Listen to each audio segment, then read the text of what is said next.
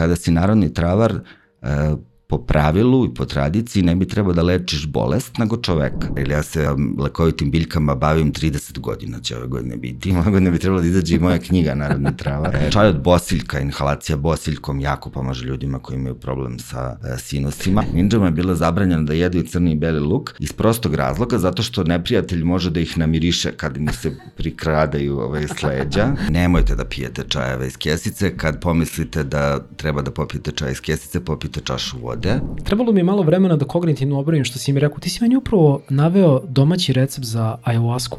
Mhm. Pčele znaju da je zemlja okrugla i ovaj, računaju to u svoje uh, putanji. Znači nemate konfliktovno ravno zemljaši pčelice? Nemaju, pčelice su pametne, zato se kaže pametan kod pčelica. Živimo zapravo u vremenu kada deca znaju razliku između tiranosaurusa i brontosaurusa, ne znaju razliku između bukve i breze ili svrake i vrane i to je negde naš neuspeh, ali da ne kukamo mnogo, tu smo da menjamo.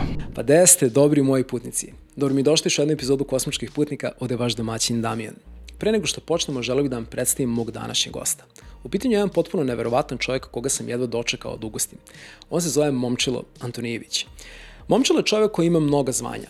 Samo neka od njih su narodni travar, novinar, pisac, urednik, kulturolog i gerila baštovan. Ali kada sam krenuo malo dublje da se upoznajem sa njegovim radom, shvatio sam da suština onoga čime se momčilo bavi znatno prevazilazi bilo kakva zvanja i titule. Po mom mišljenju, on predstavlja jednog istinskog patriotu i borca koji nastoji da otkrije, sačuva i sa svima nama podeli potpuno neverovatna drevna znanja o biljkama i prirodnoj medicini naših predaka i to vrlo efikasno radi putem svog YouTube kanala Snaga bilja, putem svoje online i uživo radionice Biljarnica i putem njegove zbirke recepata Divlji kuvar. U današnjoj epizodi smo razgovarali o izuzetnim znanjima u vezi sa pripremom i upotrebom biljaka koje su naši preci vekovima negovali i kultivisali. Razgovarali smo o neverovatnim mogućnostima i zdravstvenim benefitima prirodne medicine i kako svakodnevno možemo da je primenjujemo kako bismo ostali zdravi u svetu koji postaje sve zagađeniji i destruktivniji. Pričali smo i o psihodelicima i zaboravljenim tradicijama primene prirodne medicine kao što je ayahuasca, koje smo mi na našim prostorima i tekako imali i još puno, puno toga. Susreti sa ljudima kao što su Momčilo su razlog zbog kog upravo toliko uživam i verujem u proces stvaranja kosmičkih putnika Iskreno se nadam da će ova epizoda koju smo zabeležili u formi podcasta nastaviti večno da živi, kao i sva drevna znanja kojima je Momčilo posvetio svoj život.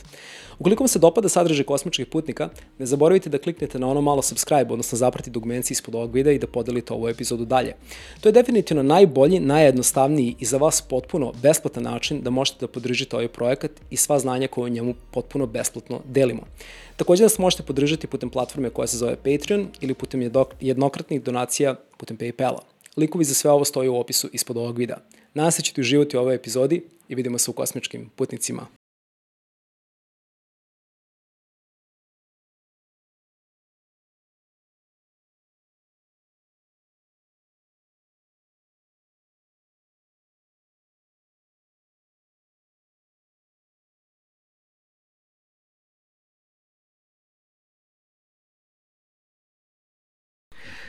Dragi moji kosmički putnici, dobrodošli u jednu vrlo posebnu epizodu Kosmičkih putnika koja je posebna pre svega zbog toga što smo je u potpunosti od početka do kraja ponovili. To je pre svega moguće zahvaljujući mom današnjem gostu Momčilu Antonijeviću. Pozdrav za tebe Momčilo. Ćao. Momčilo je a, bio dovoljno ljubazan da se vrati u moj studij da sa mnom podeli ponovo drevne mudrosti i znanja o kojima smo pričali u prošloj epizodi kako vi ne biste bili usrećeni za te informacije. A razlog zbog čega ovu epizodu ponavljamo je kao što ste možda mogli da pretpostavite tehničke prirode.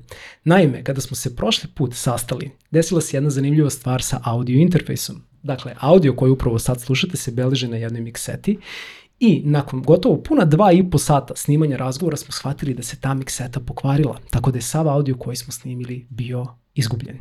Evo upravo sad ćemo vam pustiti jedan kraći insert da vidite kako izgledao jedan deo te epizode koja je snimana bez audija.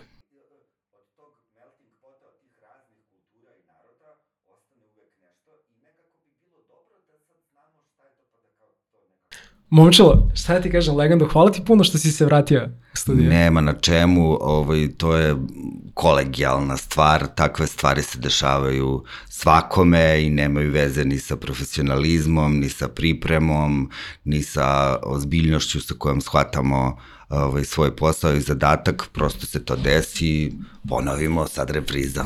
Znaš kako kaže, uvek je repriza bolja od nove godine. E, da, da, da, da, da. Ovi, na, na, iskreno se nadam da će danas biti, znam da će biti tako. Ovi, te sam da kažem da si ti uh, definitivno prvi gost koji mi se najbrže vratio od svih gostiju. Imao sam Eto. neke goste koje su se vratili. Ja znam Evo. da se vraćam, da znaš, teško me posle isterati po 3-4 puta, tako da ovaj, kad zaređam tu. Sjajno, sjajno, sjajno. Evo, gledam sad ovaj, ponudio sam te vodom, a pre nego što smo počeli, za malo da te ponudim onim čajem iz kesica. Šta Mhm. generalno misliš o tim čajevima iz kesice? Da li uopšte ima smisla da pijemo tako nešto? E, nemojte da pijete čajeve iz kesice. Kad pomislite da treba da popijete čaj iz kesice, popijte čašu vode e, iz nekoliko razloga. E, zato što čaj iz kesice, e, odnosno filter kesice u sebi sadrži mikro, mikroplastiku, a mikroplastika je ozbiljan problem i tek ćemo shvatiti koliko je taj problem ozbiljan. Mi godišnje pojedemo jednu uh, kreditnu karticu plastike kroz različitu hranu, vodu i tako dalje. Uh, Tako da svaku priliku uh, koju možete da ko iskoristite da ne unosite mikroplastiku, iskoristite. To je prva stvar. Druga stvar, to nije ni biorazgradivo, dakle u potpunosti. Um, a treća stvar, biljke koje se nalaze u tim filter kesicama su toliko samlevene, sitno, da vrlo često, mnogo lakše gube zapravo svoju lekovitost nego kada čuvate ceo list. I ovaj i prosto ne taj argument da je to jednostavnije meni ne pije vodu e, da uzmete jednu cediljku pa da procedite čaj to traje tačno sekundi 70 stotinki duže nego da izvadite filter kesicu iz šolje, tako da ovaj, treba da uživate u tome i da ovaj, svesno pijete čaj i da svesno birate koji čaj pijete, a ukoliko je to još biljka koju ste sami ubrali svojom rukom i pre toga je se izvinili, onda to ima posebno delovanje. A, sad rekao si lju- da kao ljudi imamo tendenciju da radimo nešto što nam je jednostavnije. Jedna teorija koju imam je da ćemo zbog i tendencije ka jednostavnosti bukvalno izumrati u jednom, u jednom, u jednom trenutku. Pa da, mislim ne treba stvari da budu ni komplikovanije nego što je potrebno, ali e, ne treba ni sve toliko ubrzavati, i pojedno, ne, ne ni pojednostavljivati, nego e, ubrzavati do te tačke da bude to absurdno. Onda štedimo vreme, ne znamo za šta, da duže putujemo gradskim prevozom. Ovaj, tako da e, ne smeju stvari da budu ni komplikovanije, ni jednostavnije nego što treba da budu. Slažem se, a evo baš kad smo kod toga i zašto sam ti postavio pitanje za čajeve, ti imaš puno titula, od kojih je jedna meni vrlo posebna, a to jeste titula Narodnog travara. Mm -hmm. Um, iako sad ta reč može svakome koji prvi put čuje da zvuči poprilično onako dobro samo opisujuće, uh, ja kada sam krenuo malo da se upoznam sa tvojim radom sam shvatio da ona podrazumeva daleko više toga u odnosu na ono što sam generalno, a ja, a verujem i neki, od, neki ovi koji trenutno nas prate, mogli da pretpostave. A, pa bih ja to htela za početak da te pitam šta, dakle, za tebe znači biti jedan istinski narodni travar i koja je sve ta jedna sfera u okviru koje deluje neko ko ima to zvanje? Narodni travar, kao što mu ime kaže čovek iz naroda, koji se bavi lekovitim travama. Uh, on nema formalno obrazovanje, dakle nije ni farmaceut, ni fitoterapeut, već je travar, neko ko uh, se bavi uh, narodnom tradicijom i pokušava da sačuva uh, to hiljadugodišnje i zapravo, zapravo mil, milenijumsko znanje o tome kako se biljke upotrebljavaju, kako one deluju, kako mogu da nam pomognu. I to je uh, čovek koji, je, koji se nalazi u neposrednom kontaktu sa prirodom. Meni se to jako dopalo. Uh, I nekako kada sam počeo, pošto sam ja novinar i narodni travar, uh, onda kada sam izdao svoju knjigu Divlji kuvar uh, i kada sam počeo da organizujem svoju školu poznavanja lekovitog bilja biljarnica, onda sam često gostovao kod svojih kolega novinara u emisijama ili davao intervjue za novine i ovaj, onda su me uvek pitali kako želite da vas potpišemo, ja kažem novinari Narodni travar, svi onako malo stanu za trenutak i vrlo često neki moji prijatelji ili roditelji mojih prijatelja su me pitali što Narodni travar ti si magistrirao, rad, pišeš doktorat, to im je nekako delovalo pežorativno, a zapravo ja mislim da je to divno i da ovaj, treba da udahnemo uh, novi sjaj, novi život uh, tom izrazu koji onako, koga se malo stidimo, kao što se stidimo izraza seljak, ali ovaj uh, narodni travar je uh, baš precizno ono što ja jesam, a ono što je vrlo interesantno kada sam pričao sa nekim vrlo bogatim i uspešnim ljudima, biznismenima, oni su se odmah oduševili, ko to je genijalno, narodni travar, to, bukvalno su mi to rekli. Prepoznali su nišu, da, posebno tako kao da ovaj, to je da. indikativno da bar trojica vrlo, vrlo stvarno uspešnih ljudi u svojoj profesiji uh, su mi, mi rekli to ne, to si super smislio, tako da.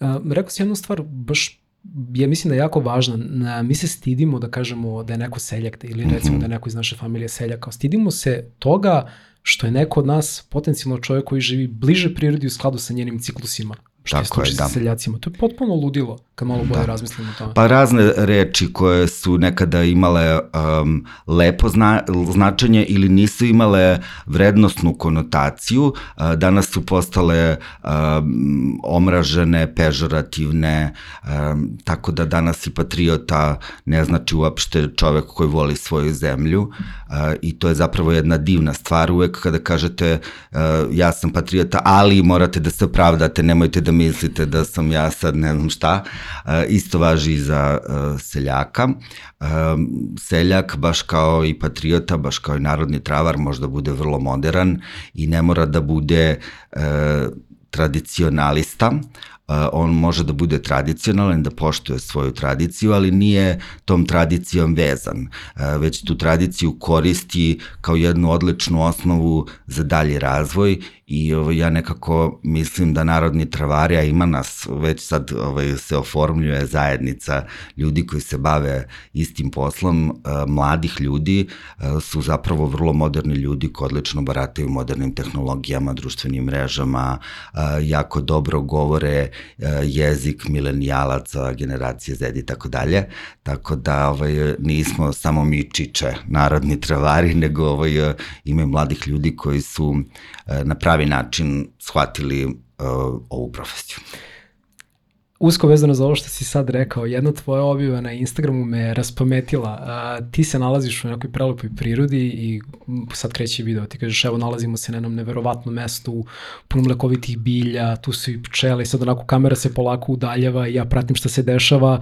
Kao i evo možete da vidite upravo se nalazimo na ušću između dve staklene da. kule.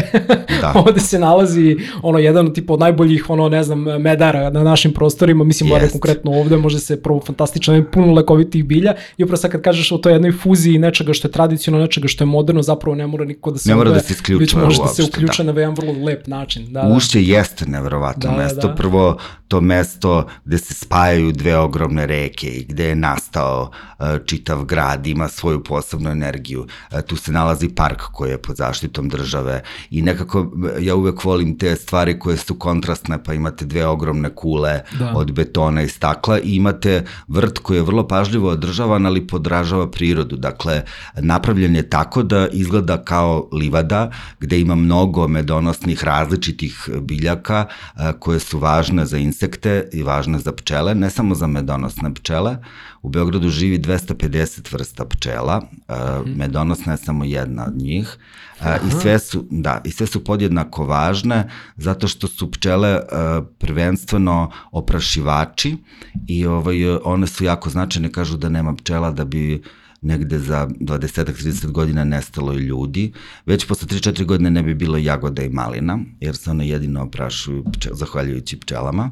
To su stvarno fantastični organizmi i nekako um, baš vrlo često kada čitam o, o, o pčelama i uopšte životinjama, iako se prvenstveno bavim biljkama, budem onako fasciniran iskreno, zato što recimo pčele znaju da je zemlja okrugla, i ovaj, računaju to u svoje uh, putanji. Znači nemate konflikta ono ravnozemljaši i pčelice? Ne, pčelice su pametne, zato se kaže pametan kod pčelica.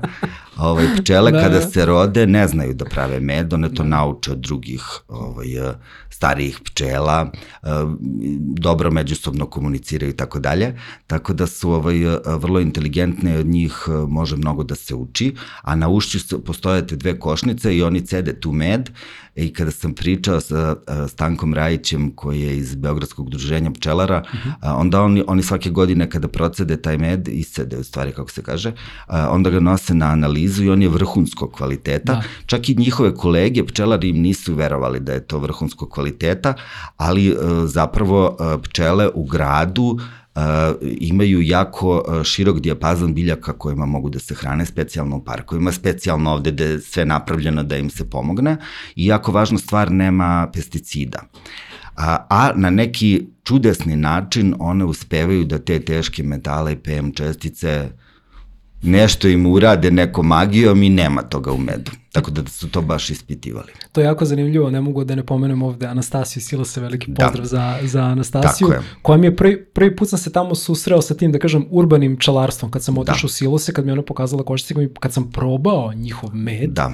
koji je bukvalno jedan od najlepših koji sam probao u da. životu i kada mi je baš ona rekla to, kao, jer ja sam pitao, čekaj bre, kako, kako bre, ovaj med može koji iz grada, Beograda, ono zagađeno, kako može da bude čistiji? Kaže ona, kao, pa da, pčelici imaju svoje rute, one tako malo odu do botaničke bašte, Jest, pa se vrate, pa ne znam, ono, odu preko, odu preko puta Dunava, malo tamo obiđu, da. bukvalno imaju te svoje male trajektorije kuda se kreću i tu dolazi, baš zato što nema puno pesticida u gradovima, gradski da. med je stvari vrhunskog kvaliteta. Recimo, to je meni bilo potpuno neverovatno. Tako je, Anastasija proizvodi fantastičan med uh, u silasima i um, imao sam priliku da od nje dobijem i propolis koji su oni vadili iz svojih, ja. koji je tek ovaj, je neverovatan, da, da, da, da. a i Anastasija je da, prava da, matica, yes. jer je ovaj, ona neko ko uspeva da svojom energijom okupi ljude koji slično razmišljaju i da zapravo napravi veliki pomak, da radi neke neverovatne stvari za koje je potrebna ta energija matice. Tako da... Yes. I to sve još onako u onom betonu, onako da iz betona da. bukvalno nikne ponovo život. To je Tako onako je. vrlo ovaj, zanimljivo. Tako, da. to je super, pošto ovaj, um, da. tu ima mnogo divljih lekovitih biljaka na okolini silasa. Raste zova, raste orah, oni se sad i posadili matičnja, klavandu i druge medanosne biljke, ali raste tu jedna vrlo zanimljiva biljčica Tribulus terestis, odnosno babin zub. Uh mhm. -huh. Nje baš ima mnogo i ona je vrlo interesantna zato što je to prirodni izvor testosterona.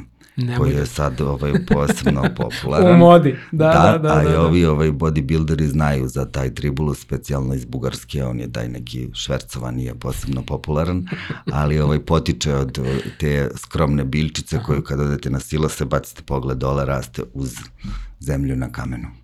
Vraćajući se priči tvo, ovaj, tvog života i uopšte ulaska u Narodnu trvartu, kako i gde sve počinje? Kada shvataš da ćeš svoj život da posvetiš to jednoj, da kažem, drevnoj disciplini koja je karakteristična maltene za svaku civilizaciju na ovoj planeti? Da, e, ja, e, to je pitanje koje mi je vrlo često postavljano, e, naravno zato što to jeste prilično neobična stvar, ili ja se um, lekovitim biljkama bavim 30 godina će ove godine biti i onda um, zaista je neobično dete 13 godina ovaj, se zainteresuje baš za, za to. Ali 13 ovaj, godina si imao. 13 dakle. godina, Aha, 1993. Da, za vreme hiperinflacije. Da. Ali ovaj, um, moram da kažem da nikad nemam pravi odgovor na to pitanje kako sam um, baš odlučio da se tim bavim, zato što ne mislim da sam ja odlučio, mislim da su biljke izabrale mene, a ne ja njih. Da je prosto se to tako uh, sve namestilo, da to nije neki moj svesni izbor. Uh, mi uh, imamo porodičnu kuću na Zlatiboru gde smo provodili letnje raspuste i ta kuća e, se nalazila e, između dve livade na obodu jedne ogromne velike šume koja je zaista bila i dan danas jeste i dalje fantastična jer je to prava šuma, dakle nije ono ovaj, turistički, e, gradski i tako dalje, nego prava šuma šuma, bukova, stoletna, prirodna i ovaj, nekako čim zakoračite u tu e, šumu, desi se neka neverovatna stvar, počnete da dišete drugačije, počnete da razmišljate drugačije i nekako automatski ste, kao kad dođete u pozorište, uvedeni u neku vrstu magije mm -hmm. uh, i uh, ja sam to odmah uh, zapazio i primetio, uvek sam voleo da vreme provodim tamo,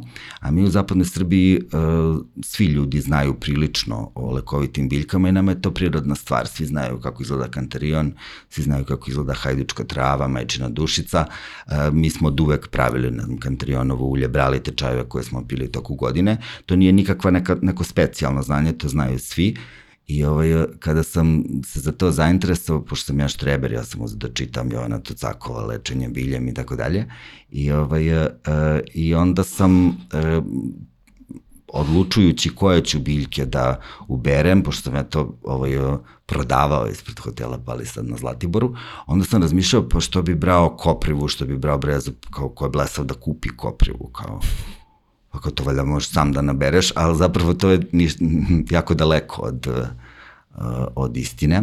I ovaj, zapravo ne znaju svi ljudi šta je kopriva, to je fascinantno i poražavajuće, jer danas smo, se nalazimo, živimo zapravo u vremenu kada deca znaju razliku između tiranosaurusa i brontosaurusa, ne znaju razliku između bukve i breze ili srake i vrane.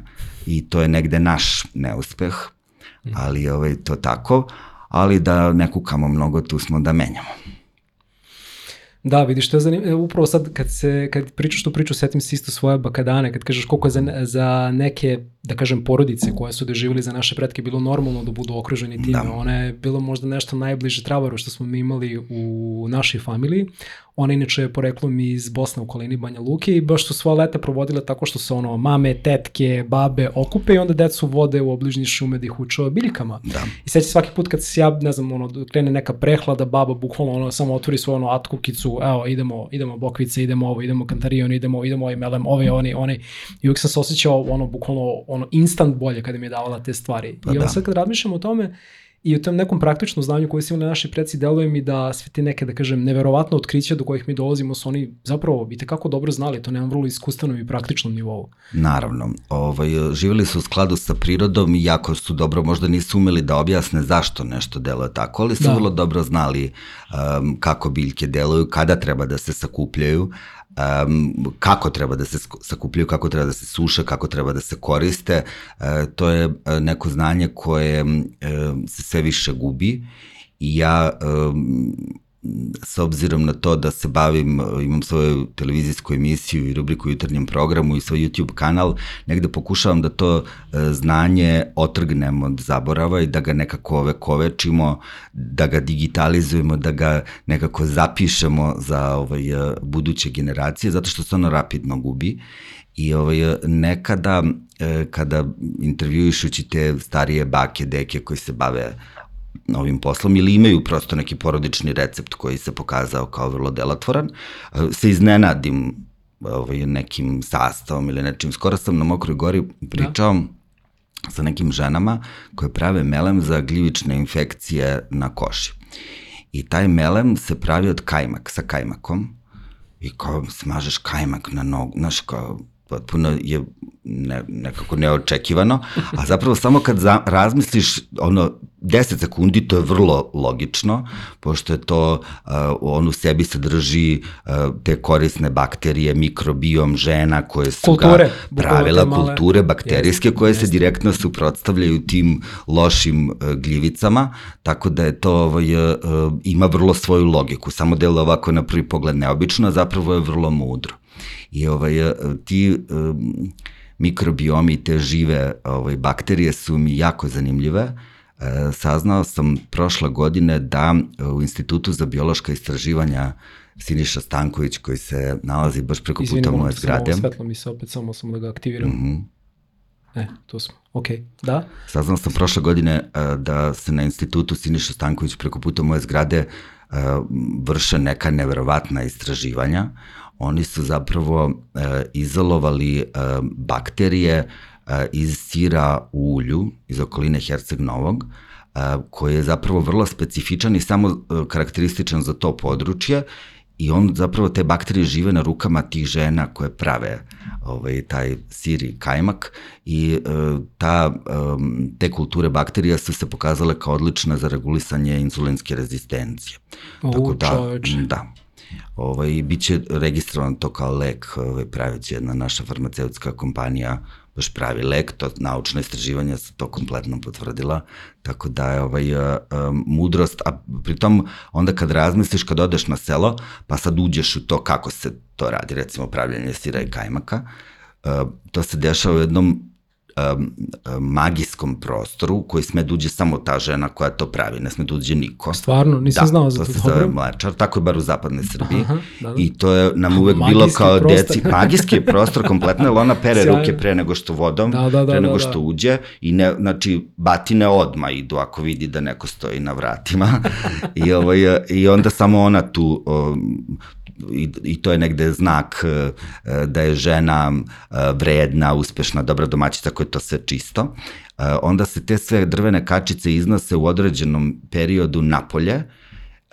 Zašto? Valja se, to se tako kaže, ali zapravo to se iznosi na, obično na dugodnevnici kada je u junu, Da. na obično neki verski praznik na cveti, ne znam, na Ivandan, zato što je tad uh, ultravioletno zračenje najjače tu i zapravo se to dezinfikuje ono najmodernijim načinom, kao da si ono ušao u onu komoru pred ulazak u, u hirušku salu. Vidi čovjek, Da. kakva tehnologija, ono. Da. Ovo je super je ta, Da, da, ta da. priča o životu na selu. Ja sam ovaj, e, pre dva meseca pravio jedan pop-up restoran Tvoja vege čukumbaba gde da. sam zapravo uh, hteo na jedan malo duhovit način da pokažem da su uh, naše čukumbabe i prababe jako dobro znale uh, sve ovo što se nama danas plasira i nama deluje kao neki moderni trend koji je pomodarstvo, snobizam došao sa zapada, uh, vegetarijanstvo, veganstvo, uh, ne znam, sirovo, Fasting. fasting, tako Od je. svih stvari koje je da, bio najnormalnija dehidrator, to mi je Da, hit, da. pošto ovaj, uh, nekada su naše čukumbabe kuvale recimo šljive bez šećera Da. do, do gusto, gusto, gusto i onda to razrede na, list, na listu repušine i suši se na krovu na suncu, to je dehidrator i, ovaj, uh, i onda se to žvaće cele godine, imaš gumene bombone. Tako da su vrlo dobro znali ovaj, naši preci da um, kad se šta radi i zašto se ovaj, nešto radi, tako da to je negde zaboravljeno znanje i mi vrlo često smo skloni da mislimo da smo mi najpametniji, najnapredniji, da smo vrhunac mudrosti civilizacijske koje je Homo sapiens dostigao, a zapravo to ovaj, uopšte ne mora da znači. Da, da, da, upravo to. Ovaj, posebno što više, o, da kažem, što više reše, rešenja za probleme nalazimo, shvatamo da samo stvaramo još više problema i, on, i onda da. Se samo vrtimo u tom krugu i onda kad se zapravo pogledamo u neke sta, prethodne cikluse i tekako možemo da primetimo da su postojili slični fenomeni i da se zapravo stalno krećemo u tim nekim krugovima rešavanja, stvaranja, rešavanja, Tako je, stvaranja da. problema. Da, da, da, ali duh vremena se menja. A ovaj, ovo sa što si rekao baš me jako lepo uvodi u, u glavnu temu naše današnje razmene, a to jeste da a, prodiskutujemo o tome kako sve biljke mogu da nas leče. Mm. I da razmotrimo malo koje su mogućnosti te prirodne medicine. Da li recimo deliš mišljenje domorodačkih naroda, recimo iz Južne Amerike, iz Amazona, koji smatraju da su biljke bukvalno žive, da su doktori koji mogu da nas leče i isceljuju? Um, ja mislim da je to um, tačno, prvo, uh, i mislim da je to um, nije samo karakteristika domorodačkih plemena iz Amazona, već je to nešto što je inkorporirano i u našu civilizaciju i tačno se znalo um, koje biljke i kako se uh, koriste i zašto ih treba gajiti. Recimo, vrlo interesantno da uh, postoje plemena u, u Crnoj Gori, to su recimo kući, oni svi nekako, to mi je ovaj, rekao Jovica Krtinić kada, koji radi na ovom projektu Poreklo, kada sam analizirao svoj ovaj, praporeklo. Um, oni se zapravo vode um, poreklo od normanskog plemena koje se iskrcalo tu na u 10. veku da osvoji Vizantiju. Oni su zapravo vikinzi. I, ovaj, uh, I vrlo je interesantno da uh, su doneli u Crnu Goru tu zetu uh, kult jasana. I stalno su im svuda negde jasanovi posađeni i, ovaj, i nekako to prosto, on kaže, tek sad kad to obratim pažnju, vidim da je, da je ta, to drvo ovaj, uvek prisutno, tako da ovaj, e, negde vrlo često, tek kad počnemo da obraćamo pažnju i da se za nešto zainteresujemo, shvatimo da zapravo smo zaboravili zašto je nešto tu. Mi smo zaboravili zašto se čuvar kuća recimo čuva na seoskim krovovima u šerpama. Zašto se čuva?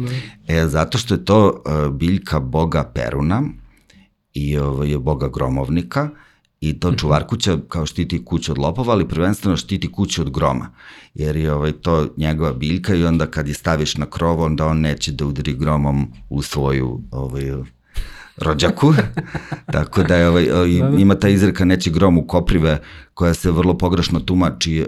Se obično to misli neće grom da kao udari u koprive koje neće ni grom da udari u njih, a zapravo oni su rođaci, pa to znači neće svoj na svoga. A, vidi, vidi, kakav priča da. čoveče.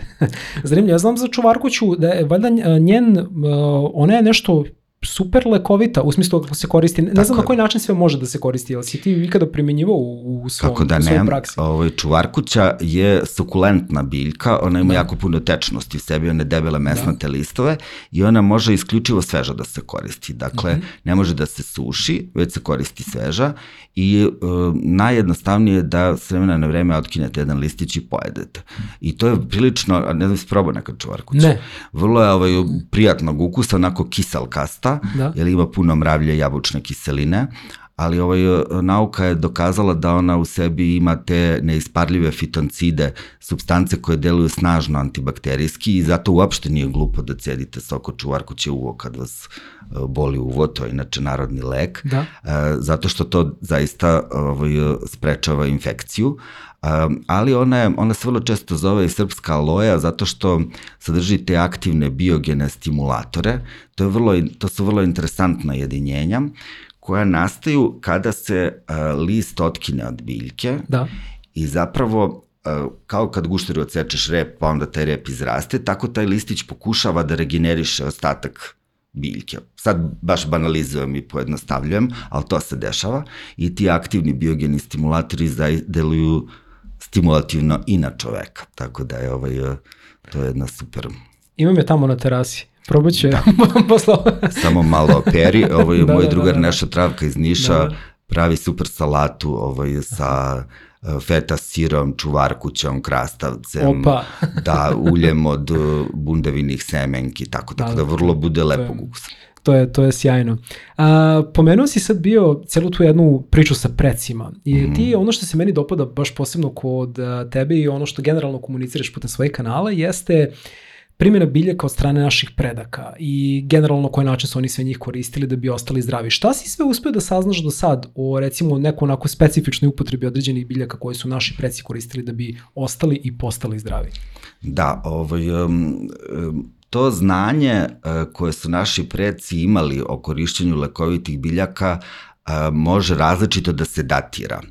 Uh, I recimo ima ona čuvena izreka trava iva od mrtvog pravi živa, trava iva je jedna planinska biljčica, te ukriju montanom. Sviđa mi se ovo. Da, e sad kad sam bio... Imamo pre, naslov. Da, da, da, kad sam bio ovaj, na, na ovaj, da, da, da prvi video zapravo na kanalu Snaga Bilja je bio na Zlatiboru i tu smo brali Ivu i jedna bakica tu naišla ovaj, i onda je ona bila sagovornik ničim izazvana, ali da, ovaj, da, nije se nadala, ali da, da ovaj, bila super. Da. i onda je ona to rekla tu rečenicu trava Iva od mrtvog pravi živa, a ove godine kad sam bio na Zlataru, e, razgovarao sam sa jednim travarom Ratomirom Đajićem, e, koji mi je rekao da zapravo ta izreka potiče iz vremena epidemija tifusa jer je ta biljka pomagala ljudima koji su preležali tifus da se oporave brže. I generalno sve te gorke mirisne biljke uh, se uh, preporučuju kao što je pelin, kao što je lincura, kao što je mhm. trava iva, kao što je kičica, preporučuju se rekonvalescentima da se brže oporave, uh, da povrate apetit, da povrate krvnu sliku, da krene normalno varenje i, ovaj, i onda ima to svoje vrlo ovaj, objašnjenje. Uh, jako je interesantno e, obratiti pažnju na imena koje je naš narod davao biljkama, pošto bukvalno ona rimska poslovica nomen est omen u, u, kod biljaka važi ovaj, kompletno i kada se malo zainteresujete, bude vam potpuno jasno da biljka Šta znači koja... prevodu za ljude, evo, publiku koja nas sluša, koja ne zna? Da, nomen est omen znači ime je znak. Uh mhm. -huh. I, ovaj, uh, I kada se biljka zove nana, ili majkina dušica, ili kamilica, ili milogled, ili miloduh, to ne može da bude nešto što će da vam se desi nešto strašno, ali ako se biljka zove kukuta ili kukurek ili čemerika ili ovaj bunika, onda vam to jasno sugeriše da je ovaj u pitanju kuku, lele, čemer, buncaćeš, tako da, da, ovaj, da, treba obratiti da, da, pažnju da, da. Ovaj, i na to. E, jako mi je ovaj, zanimljivo, pošto ima jedna biljka koja se zove e, Petrovac ili ranjenik, e, Agremonia eupatorija, koja je vrlo interesantna, ima jako puno tanina, preporučuje se govornicima, pevačima, deluje odlično na glasne žice, um, deluje dobro na slezinu, ali zbog tog sadržaja tanina zaustavlja jako efikasno proliv. I onda se mm u šumadiji zove tankosera. Znači, bukvalno ti ono... Odlično. Da, bu, ono, u, u doslovnom smislu objašnjava ovaj, šta, šta ta biljka radi. Tako da je ovaj, uh, samo kada se zainteresujete za to kako se biljke zovu i koji su običaji vezani za njih, onda ovaj, već iz toga možete mnogo da naučite. Imao si neke susrete, pominjao si na svojim kanalima buniku ili tatulu sa tim nekim onako malo da. ovaj, specifičnim biljkama. Kako su izgledala ta iskustva i ti susreti, baš me zanima. Da, ovaj, bunika, tatula, velebilje, beli buni, mandragora, to su sve biljke koje u sebi sadrže, one su iz porodice solanacea, odnosno pomoćnica, a one u sebi sadrže te troponolne midriatične alkaloide, atropin, hiosciamin, beladonin, skopolamin i tako dalje. I onda oni, oni zapravo deluju na najstariji deo našeg nervnog sistema, na autonomni nervni sistem, koji uh, je zadužen u našem organizmu da kontroliše sve one nevoljne radnje. Dakle, širenje zenica, širenje bronhija, lučenje pljuvačke, otkuce srca, pritisak, lučenje želodačne kiseline, znojenje. I ovaj, e, one zapravo e, kontrolišu ono što mi ne možemo. I to je negde prava njihova priroda. To je ovaj, negde prava njihova priroda, jer ovaj, e, one zapravo pokazuju koliko smo, kada ih koristite, koliko smo mi nemoćni, koliko smo mali pred ovaj, eh, ogromnom snagom ovaj, tih biljaka. One su se uh, u različitim civilizacijama širom sveta upotrebljavale u slične svrhe. Uh, Don Juan priča o toj čuvenoj Carlos naturi, Castaneda. Carlos da, Castaneda, da, da, tako sjajni, je. Da, I, da. ovaj, I ona se smatra jednim od najopasnijih doktora i e, smatra se da um, oni um, ovaj, um, čarobnjaci i šamani kojima je ona zapravo ovaj, biljka zaštitnica su najmoćniji, ali ovaj, je jako teško kontrolisati i ovaj, treba biti vrlo pažljive. Sad, Velebilje, Atropa beladona je biljka koja je zapravo mene privukla kada sam imao 13 godine i počeo tim da se bavim, znači nije me privukla uh, leko, mislim, ona jeste zaista lekovita, ali privukla me otrovna biljka. I ovaj, bilo mi je fascinantno, u toj šumi koju sam pomenuo raste ovaj, velebilje, a baš u tom trenutku su se neka deca u Parijskoj botaničkoj bašti otrovala velebiljem, jer su jeli ovaj, te bobice koje imaju, onako ima crne bobice, pune su soka i lepog su ukusa. Ja sam pročitao ovaj, u knjigama da one imaju ukus koji podsjeća na trešnju i onda sam odlučio da probam to. Potpuno svestan ovaj, izračuno koliko ima alkaloida, šta će se desi, probao jednu, sažvakao, pljuno, isprao usta, poneo kafu, sve sam uradio da ovaj, se ništa ne desi i stvarno podsjeća negde između trešnje i nara ali ovaj, to su biljke sa kojima se ne treba igrati, ali moram da kažem da me ovaj, privukla. E, imao sam iskustvo, um, nekada su se pravile, rekao sam da ona širi, bronhi, šira bronhije, nekada su se pravile cigarete od tatule koje su se davale asmatičarima, dakle kada, je, kada nije bilo pumpica, kada krene asmatični napad, vi popušite cigaretu sa tatulom. I, ovaj, um, I to sam probao i tad sam uh, zaista imao kontakt sa uh, pretkinjama, jer sam baš u tom periodu saznao da su da u, u porodici moje majke postoji tradicija bavljanja lekovitim biljkama. Kako si saznao? Misliš, imao si kao neko iskustvo? Ne, saznao sam tako što je ovaj, mamina rođaka Rada eh, zvala mamu telefonom i rekla ja pravim rodoslov, la, A, i da, da, kao, da, pošto, dobro. mislim, nismo bili u nekim uh, jako bliskim svakodnevnim da. uh, odnosima, uh, ona je žena našla telefon i pozvala i sad popunjava one ovaj, tamo ovaj, ćelije u, u porodičnom stablu i kao sinovi, dva sina, da, čime se oni bave, imali neki hobi i sad mama kaže čime se ja bavim I kaže ta rođaka, pa ko vi, ti znaš da smo mi poznati po tome i sad najpoznatija je bila ta moja čukumbaba tetka stanica, koja je umrla 1976. godine, četiri godine pre mog rođenja. I onda ja kad sam to saznao, to mi je baš bilo nekako fascinantno jer mene niko nije učio, ja sam samouki, samouki štreber koji je ovaj, bio u prirodi i čitao knjige, ali ovaj, eh, bez neke želje da mistifikujem, zaista to znanje se negde ne može da se izgubi. Negde se, ovaj, mislim, znanje, možda je afinitet ili um, znanje stekneš učenjem, ali prosto sklonost ka tome je verovatno nasladna. I onda mi je bilo zanimljivo, da. kada sam probao tatulu, sam imao ovaj, osjećaj da su tu te ovaj, pretkinje ovaj, iza mene. Sjajno. Da. I ovaj, to zna da bude vrlo neprijatno iskustvo i nikome to ne savjetujem, specijalno nepripremljenim ljudima. To uopšte nije nešto za šalu, možete da umrete, da ostanete trajno oštećeni i tako dalje. I vrlo je interesantno, jer tatula posebno ima taj skopolamin koji je alkaloid koji briše kratkoročnu memoriju. Vi se ne sećate tog iskustva. I to je ona čuveni, onaj angel dust, ona droga koju ti dunu u tebe, pa onda ti kao izneseš sam, iseliš svoj stan, pomogneš lopovima. Da, ne, da. Mislio se zove Devil's Breath, kao djavoli. Devil's Breath, Aha, tako da, da, da. da. Jao, da, da, upravo, da, možeš da podeliš priču, mm -hmm. da, dakle, kad se to nekom dune, ti bukvalno postaneš potpuno poslušan na neki da. način, u smislu kao... Ti si svestan i sve da, da misliš da, da. da su došli drugari da ti pomognu i kako su divni, došli su da učestvuju u selidbi, a ti u stvari spakuješ svoje stvari u kamion Lopovi. koji je došao lopovima, da. Čoveč. Ovo, to nije stvar sa kojom se treba šaliti ali ovaj, uh, ja se sećam, hvala Bogu, svega, pa je bilo to vrlo ovaj, um, jedno zanimljivo iskustvo. A sad dok pričaš o ovome, evo za našu publiku koja nas prati, koji su videli uvodno, uvodni deo ove epizode gde smo pominjali da smo pričali nešto u prošloj epizodi, jedno, jedan od delova koji bi evo sad ponovo vaskrsu i vratio jeste čovjek koji živi na ivici. Da. I ti kad kažeš, kažem, obično kad kažemo za nekoga da živi na ivici, pomislimo da je to neko stetovažama. Momak sa vrelog asfalta. Da, da, da, vozi mnogo brze motore, da, momak da. sa vrelog asfalta. Može čovjek da ode u šumu i da pojede bobicu i da bude neko ko i te kako živi na ivici. Da, ali ovaj, um, da, da, da da, taj čovek koji ode u šumu pa da. pojede bobicu može da živi na ivici, a možda bude samo glup.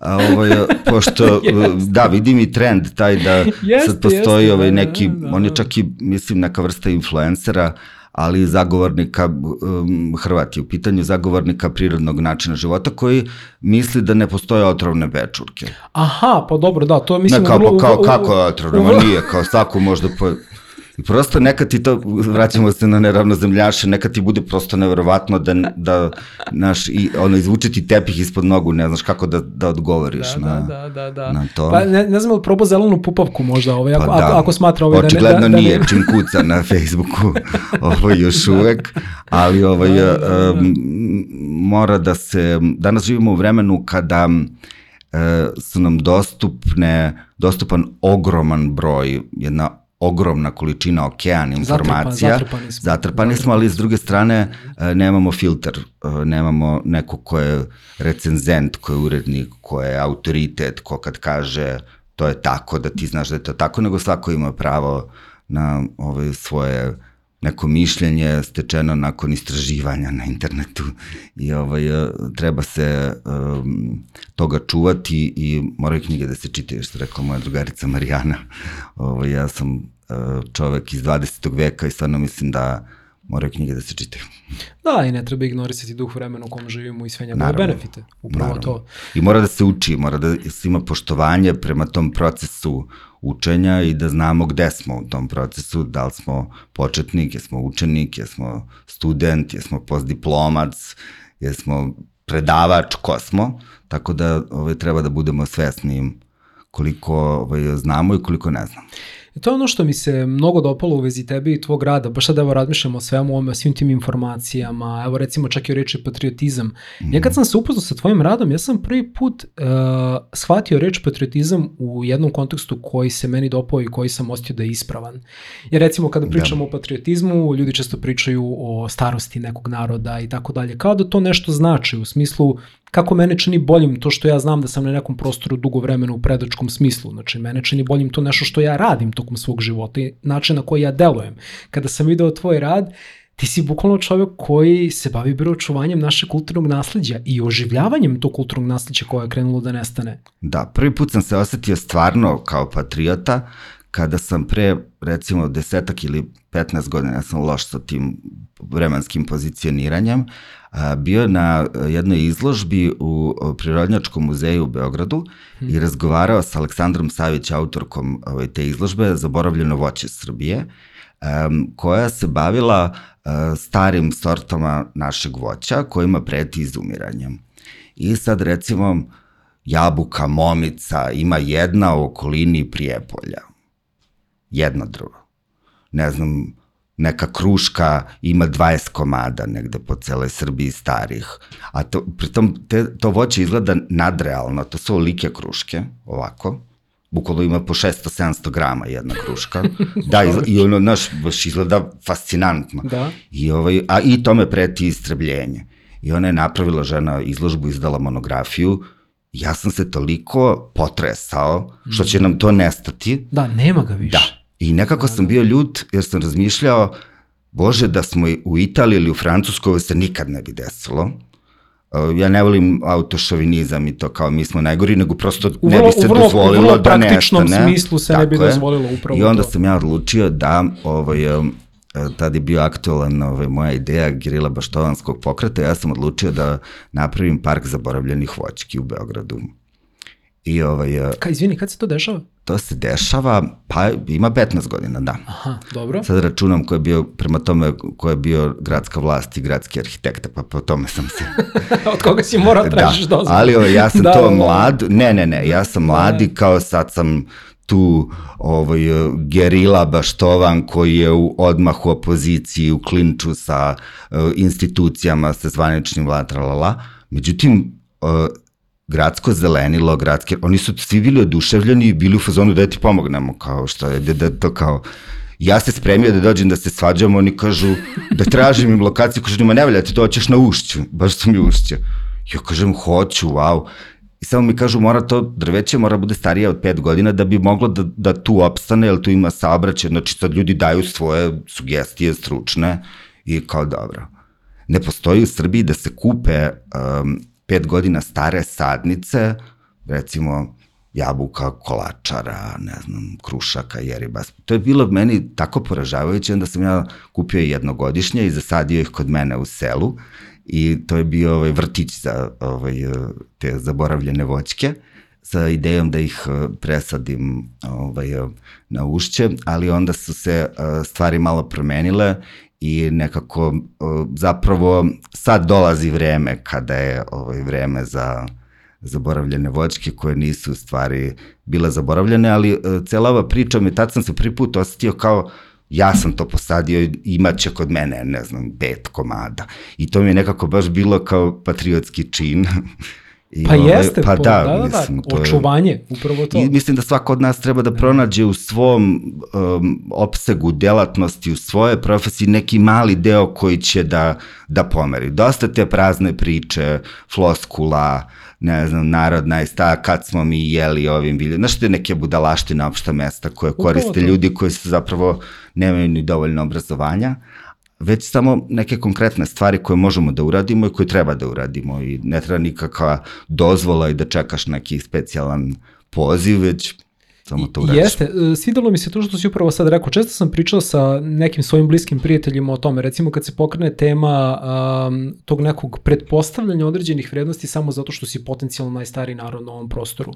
Ajde da kažemo da jesmo. Ajde da kažemo šta to znači za mene? Ma to, mislim, meni kao A... nekome ko je, ko je završio humanistički kao... fakultet, ta koncepcija naroda, nacije, to su sve nove, to je samo da ne ulazimo u to, to je prosto nova koncepcija. Apsolutno, kako se to... ali upravo to, ja uvek stimulišem ljudi da razmišljaju o tom pravcu, šta za tebe to znači na praktičnom nivou. Ništa, A ako da. si najstariji, koja su ta znanja sačuvana da ih ti koristiš kao što si tvoji preci, pa da kažeš, evo ja sam najstariji, ja razumem šta to znači, ja sam povezan, to u prevodu znači, ja sam najstariji, osjećam da je potom zbog toga, to može da znači sam jedino da ima smisla ako sam ja povezan sa svojim predačkim znanjem. Ti da. nemaju pojma ko su. Tako je. ništa o tom. Upravo to što ti kažeš, znaju razliku između nekih dinosaura, se ne, ne znaju razliku između pojedinih biljaka.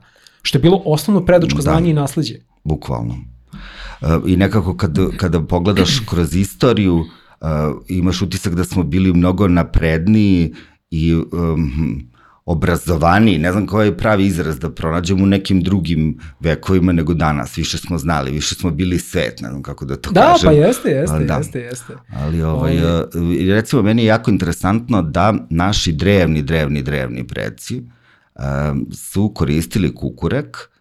Uh, kukurek je jedna izuzetno otrovna biljka, pomenuo sam je malo pre kuku ima u sebi. da, ovaj, to je alkaloidna biljka koja ovaj, vrlo lako može da se zove smrt, možete da umrete od toga. Ali pouzdano znamo da su naši preci e, znali da je koriste e, da, za pomeranje e, e, svesti, dakle za ulazak u neku dublju, drugačiju, drugačiji nivo svesti i da to e, izvedu i da se vrate. Znači, deset puta da koriste u toku života kukurek. To danas, uz sve e, modernu nauku, aparaturu je jako teško izvodljivo. I, ovaj, e, I prosto oni su to znali, mi to više ne umemo.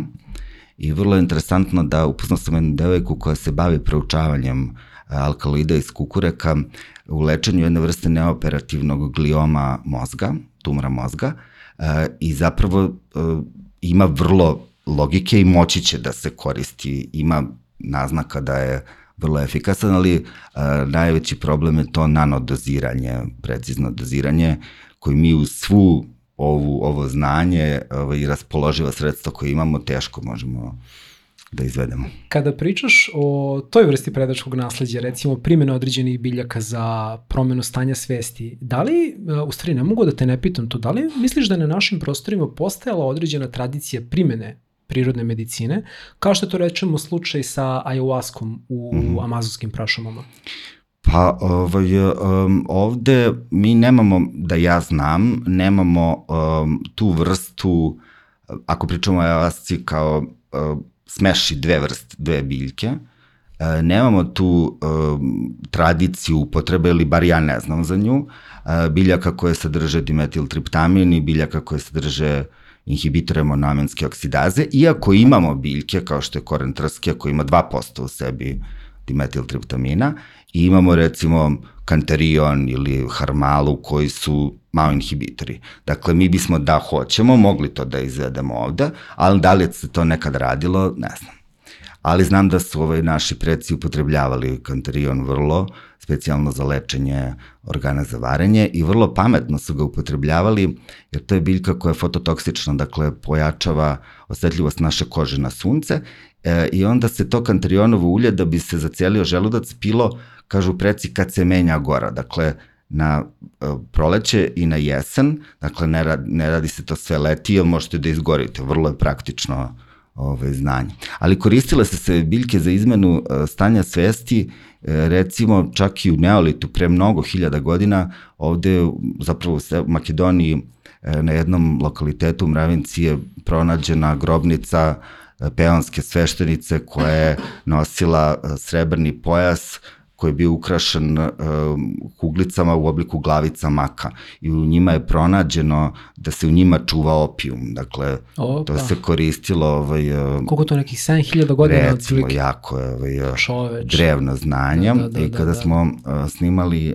um, jedan serijal za Vice psihoaktivna Srbija, onda smo ovaj, pili napitke koje smo rekonstruisali e, iz jedne posude koja se zove Vučedolska golubica, da. odnosno Jarebica je, tačnije, e, Vučedol je lokalitet u blizini Vukovara u Hrvatskoj i ta posuda je dakle u obliku te ptice sa nekim stilizovanim sekirama nacrtanim na njoj i pouzdano se zna da je ona korišćena za ispijanje napitaka halucinogenih koji su menjali stanje svesti. To je nauka utvrdila. Šta ste pili?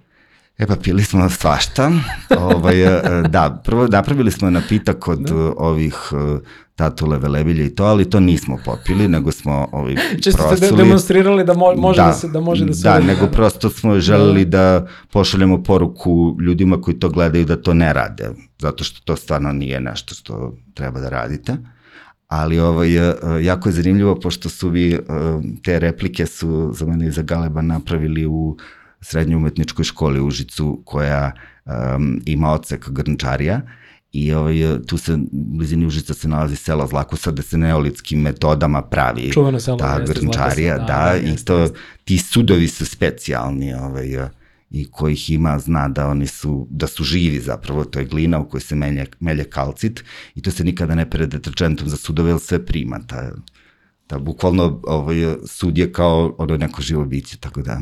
Neverovatno, baš sam gledao bio nedavno epizodu Jovana Memedovića kada je radio ono istraživanje pet dugovečnih, najdugovečnijih uh, lokaliteta na planeti. Mm -hmm. Otišao mislim, baš bio na Ikariju. I Jest. uh, kad je bio na Ikariji, Da li je bilo na Kariji? Mislim da jeste otišao bio kod jednog čoveka koji se bavi uh, drevnim načinom pripreme i uzgoja vina. Uh -huh. I ovo me je dao bukvalno da proba da pije recimo iz staklene čaše ili iz tih glinenih pehara. Jest. Mnogo me ova priča sad podsjetila na to. I on Jest. je rekao da je popio iz pehara da mu je bilo potpuno drugačije iskustvo. I sad ta oranž vina. ta biodinamička, koja zapravo se moraju da, Da, da. odstoje u keramičkim posudama, u zlaku si prave za mnoge Da, da, da. evropske proizvođače baš tu vrstu ovaj, uh, uh, sudova. E, tako da je to vrlo interesantno i vrlo zanimljivo i da nije bilo, ali da nije bila Sofija Bunarđić, to bi nestao taj zanat. To je, to je bukvalno zahvaljujući jednoj ženi, patrioti, je to sačuvano i zaštićeno i nekako sad je to postalo i brand i nešto što je kvalitetno, ali prosto pretilo je izumiranje tom zanatu. Ljudi su radili ono u valjonici bakra i aluminijuma i nije bilo potrebe da se bave grnčarskim točkom, ali sad su se vratili, tako da hvala Bogu uspeli smo to da sačuvamo. Trebalo mi je malo vremena da kognitivno obrojim što si mi rekao. Ti si meni upravo naveo domaći recept za ayahuasku. Mm -hmm.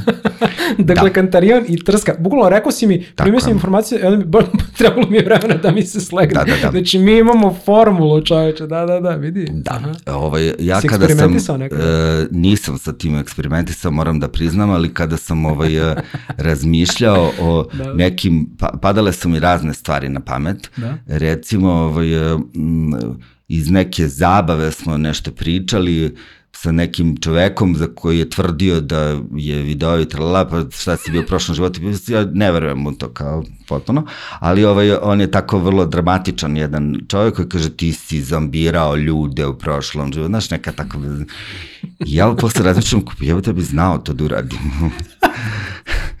Zašto? Ozbiljno. Vidi ga, znači nije... nije Ne, ne, da, pazi, pa, zastao sam, ko za ovaj kajmak na nogama, ovaj, zastao sam jer zapravo e, baš zahvaljujući kombinaciji nekoliko biljaka ti možeš da recimo spustiš srčani ritam na jako nizak broj otkucaja, da se ničega ne sećaš, da padneš u komatozni san, to ti je zahvaljujući velebilju, tatuli, bunici, to bukvalno može tako da se ovaj, izvede, tako, ili da radiš nešto čega se ne sećaš i tako dalje, kad bi se malo potrudio, možda bi mogo to da... Imaš ti to ovaj, znanje. da. Da.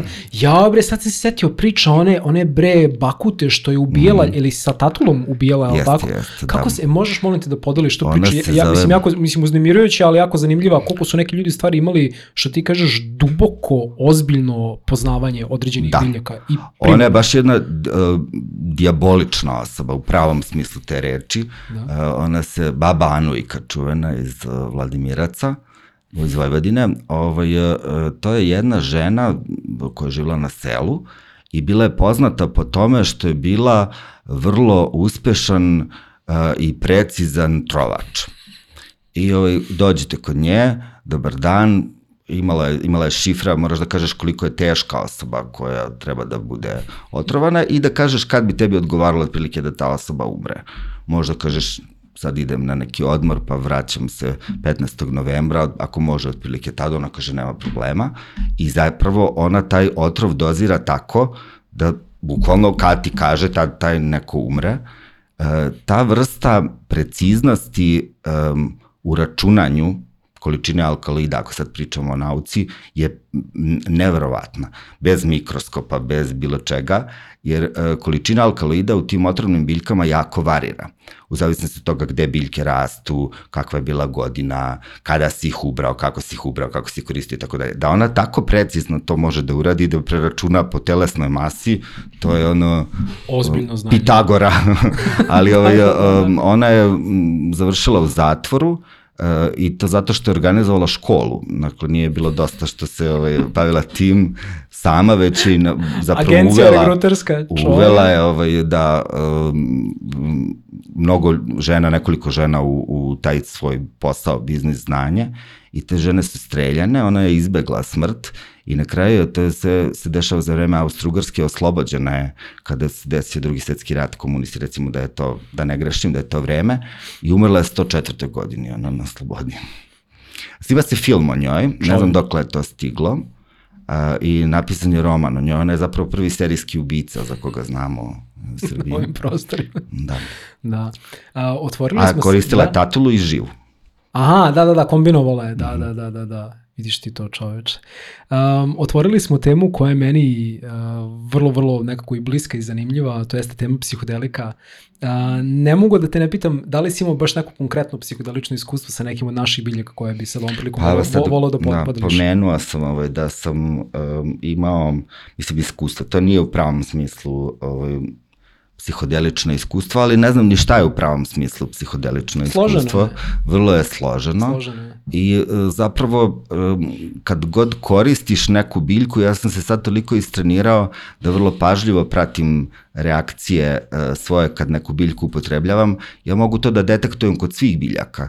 Na mene sve deluju, neću kažem psihoaktivno, ali deluju i na moje raspoloženje, ne samo na, na moje zdravlje i vidim šta mi odgovara, kad mi odgovara, kako ovaj, mi radi i šta mi treba. Sad već to umem i da, i da prepoznam i neke biljke koje su potpuno bezbedne mogu da vam pomognu, recimo, tačno znaš kad ti treba žalfija. Ka, ka, kako bi opisao to iskustvo kad osjetiš da ti je neka biljka potrebna da s njom komuniciraš u tom nekom smislu? Da, pa ja mislim, bez želje da nešto mistifikujem, mislim da uh, iza toga stoji 30 godina bavljanja ovim i eksperimentisanja i čitanja i sad već to bi mogao neko da kaže da je intuicija, ali zapravo to je znanje koje ti intuitivno I empirijska primjena. i empirijska primjena možeš da, da predosetiš. Ali to je vrlo interesantno, pošto kada si narodni travar, e, po pravilu i po tradiciji ne bi trebao da lečiš bolest nego čoveka. Da. I, ovaj, e, i onda Da, uvek se to... bolest nego čovek. Da, Tako je, da. I onda kada, kada neko dođe pa te pita za savjet, ne postoji univerzalni recept. Odnosno, postoji recept koji može da deluje kod ogromnog broja ljudi, ali zapravo uh, ti ako imaš visokrvni pritisak, a imaš i povišen šećer, a imaš i problem sa, ne znam, čirom na želucu i imaš migren, onda se napravi čajna mešavina koja pokriva sve te stvari i biljke da, da deluju zapravo da pomognu tebi. Ti ne treba piješ čaj i protiv hipertenzije i protiv diabetesa pa da piješ 7 čajeva toku dana, to se ne radi, to rade amateri. I, ovaj, e, I generalno e, ovo je jedan koristan praktičan savjet za ljude koji ovaj, e, žele da probaju fitoterapiju, a to je da ne koristite čajne mešavine koje imaju više od 6-7 sastojaka. To kad čujete ono čaj od 32 biljke, to znači da nijedna ne može da deluje ili nema dovoljno. A, kada sam te pitao bio za psihodelična iskustva zapravo a, i kada sam pitao bio za tu neku tradiciju primene e, prirodne medicine u tom kontekstu na našim prostorima, ne, nisam mogao da ne pomislim i na pečorkice. Ja sam umeđu vremenu, nisam imao lično iskustvo sa, sa psilocibom serbikom, ali sam čuo da je zapravo ona izuzetno potentna forma psilocibina koja raste mm -hmm. recimo na našim prostorima. Jesi nekad imao priliku Da. ovaj, da, da, da imaš iskustvo sa pečorkicama sa naših prostora? Psilociba serbika ovaj, raste kod nas i u srpskom jeziku se zove govnjevica i ovaj, zato što raste iz balage, kao i većina ovaj, psilociba, Da. ali ovaj, um, postoji još uh, halucinogenih biljaka, taj ceo rod, amanita i tako dalje, a psilocibe su dobre zato što nisu toliko toksične kao ove druge i um, mislim dobre kako da kažem, moraju da se upotrebljavaju pažljivo, ali manja je mogućnost da vam se desi smrtni ishod ili nešto strašno ukoliko koristite te gljive, a ne neke ovaj, druge.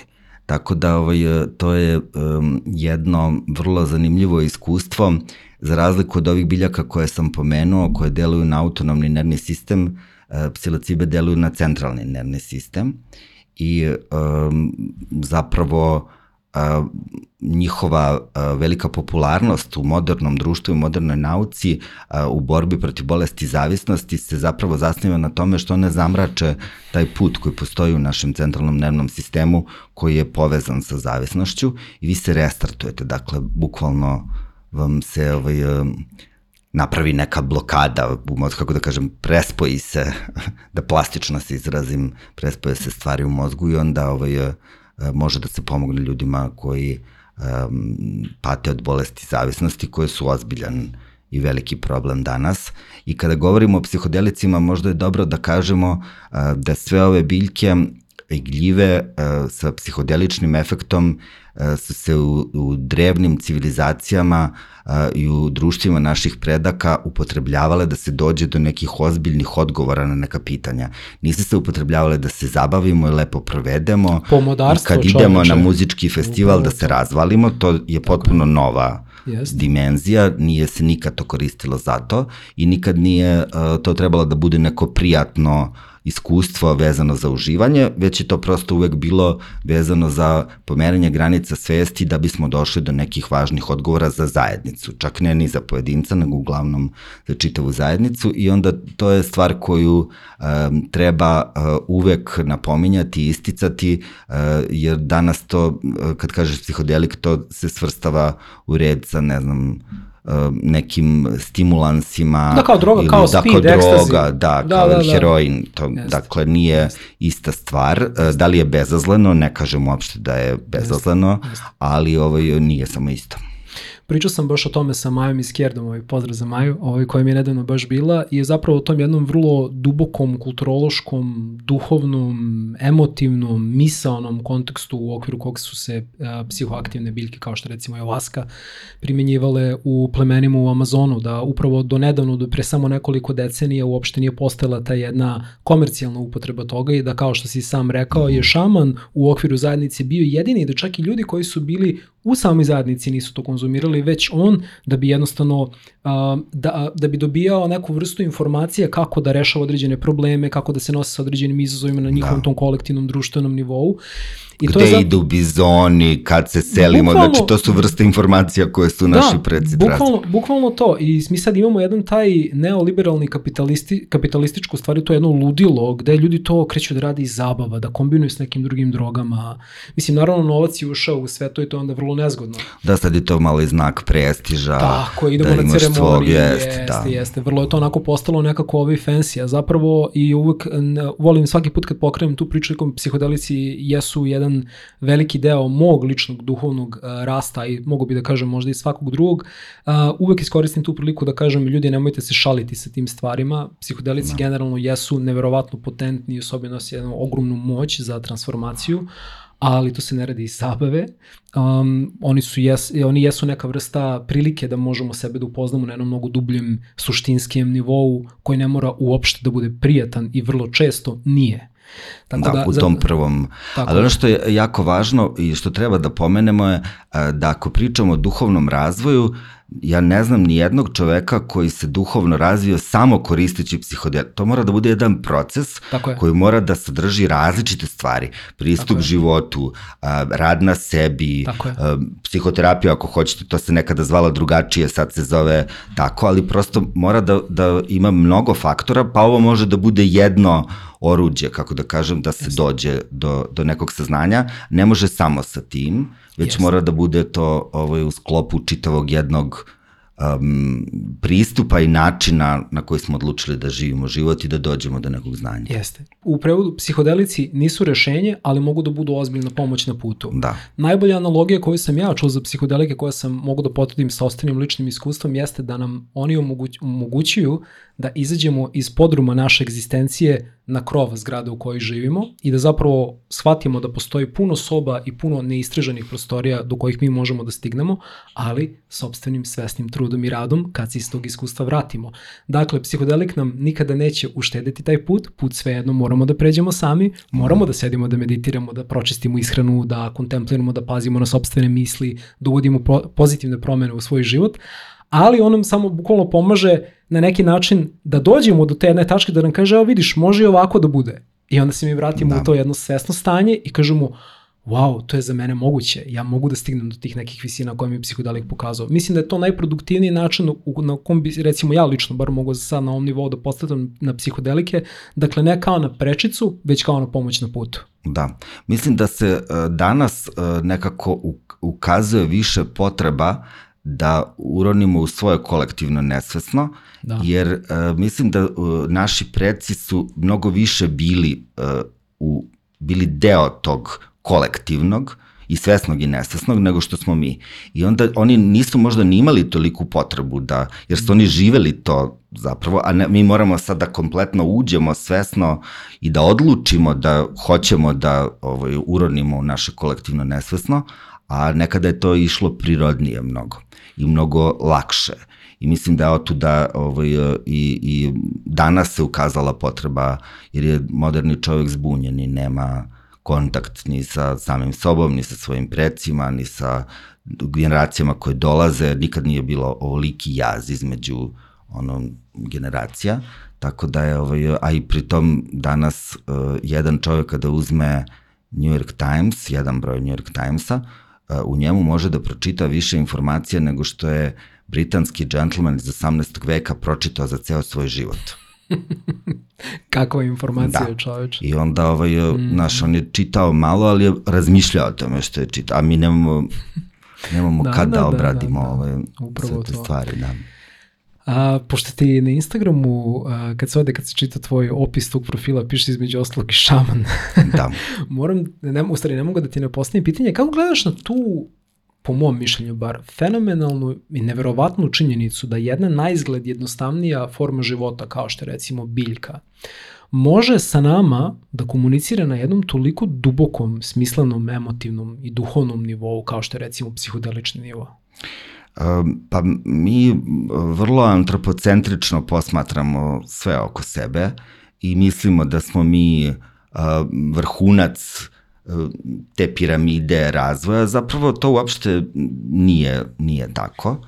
I uh, vrlo često ljudi mogu do nekla da se identifikuju pa da kod životinja to vide, ali kod biljaka to mnogo teže ide, jer sad one naš ne pričaju, ne trče, biljke međusobno komuniciraju i kreću se, to je ovaj, inače činjenica, samo ne idu baš tako brzo kao što to idu recimo kao što idu psi ili kao što idu ljudi, ali ovaj, međusobno komuniciraju i međusobno imaju uh, odnose i imaju odnose zajedništva i komuniciraju sa drugim ovaj, uh, uh, živim bićima i u, kada odete u šumu, kao što je ova moja na Zlatiboru Bukovu, zapravo drveće međusobno tom podzemnom internet mrežom E, gljiva koje prenose električne impulse među korenjem. Čuveni micelijum. Tako je, to je proces za mikoriza. Oni međusobno komuniciraju i bukve su inače, kod nas se kaže to glup ko bukva, zapravo treba da se kaže pametan ko bukva. Bukve su izuzetno inteligentna ove, stvorenja, one inače planiraju svoje razmnožavanje, ne znam da si znao to. Stvarno? Da. Ne. Ove, bukve um, se razmnožavaju žira, dakle kad padne žir, iz njega nikne ma, mala bukva, ali začkoljica je što divlje svinje vole da jedu taj žir jako i onda bukve moraju pažljivo da planiraju, jer ako bi svake godine bacale žir, onda bi im svake godine divlje svinje to jele i onda one pažljivo planiraju, nekada puste dve, nekada tri, nekada četiri godine, jer kada padne žir, onda uh, divlje svinje se oduševe, jedu ga, jedu, jedu i pošto ima puno hrane, onda se razmnožavaju mnogo više i sledeće godine bude više divljih svinja, e onda bukve iskusno sledeće godine nema žira i onda čekaju da opadne populacija divljih svinja da bi se ovaj da bi bila veća šansa da se ovaj drveće razvije a inače ovaj bukve Kako si sa, ko, ko, ko je to ko provalio? Da, ima super jedna ovaj, knjiga koja se zove da. Tajni život biljaka. Aha. I ovaj, koja baš između ostalog bavi i tim, a bukve su inače i vrlo ono um, dobre, stroge i pravedne majke pošto ovaj, da, kada ovaj, ta, iz tog žira nikne mala bukva, onda ona živi u senci svoje majke i ovaj, onda se ona razvija polako. Dakle, ona nema dovoljno svetlosti da bi divljala sa fotosintezom i rasla, rasla, rasla mnogo brzo, jer na taj način, to ko kad dete jede mnogo slatkiša pa bude debelo, razvija se mnogo brže nadzemni deo biljke u odnosu na podzemni i onda kad une vetar, to drvo se obali, nego mora polako, mora da se razvije prvo koren, pa stablo i tako dalje, i onda mama pazi, pa ti kad dođeš određenu, ovaj, do određenih godina i do određene visine, onda možeš normalno da obavljaš fotosintezu, tako da su ovaj, bukve vrlo... Zvuči, zvuči kao neka zanimljiva porodična dinamika. Da, da bukvalno kao porodična dinamika, da. da, da, da, da, da. A, zanimljivo. A, zapravo, jedno pitanje koje se nadovezuje na ovo prethodno koje imam vezano za da li misliš recimo kada imamo interakciju sa nekim biljkama, bilo da je u pitanju psihodelično iskustvo ili evo recimo neko drugo kao ti recimo kroz čajevi, tako dalje, kada već potencijalno osjećaš da komuniciraš sa, sa tom biljkom, da li misliš da mi zaista prilikom te, da kažemo, ajde, interakcije kroz unos nje u naš organizam, komuniciramo sa tom nekom, ajde možemo da kažemo, duhom, suštinom te biljke, ili nam ona pomaže da se povežemo sa nekim dubljim i zagonetnim delovima nas samih? Pa um, sa biljkama um, možemo da komuniciramo i uz pomoć biljaka možemo da komuniciramo sami sa sobom na različite načine. Da, jedno i drugo, znači na neki da. način. Da. Prvo, to hemijsko delovanje biljaka kada ih unesemo u svoj organizam ili kada ih dodirnemo nekada je jedan nivo. Biljke imaju svoje fizičko delovanje i postoji jako zanimljiva um, disciplina koja se zove lečenje Bahovim biljnim rosama. Bahove kapi, da. Bahove kapi, da. Edward Bach je bio ovaj lekar e, britanski e, koji je ovaj, se razboleo i ovaj, onda je bio otpisan od strane svojih kolega, onda on rekao, dobro, ja sad idem u, u prirodu, ne, ja ću da umrem, neću da umrem ovde i sad je on otišao tako.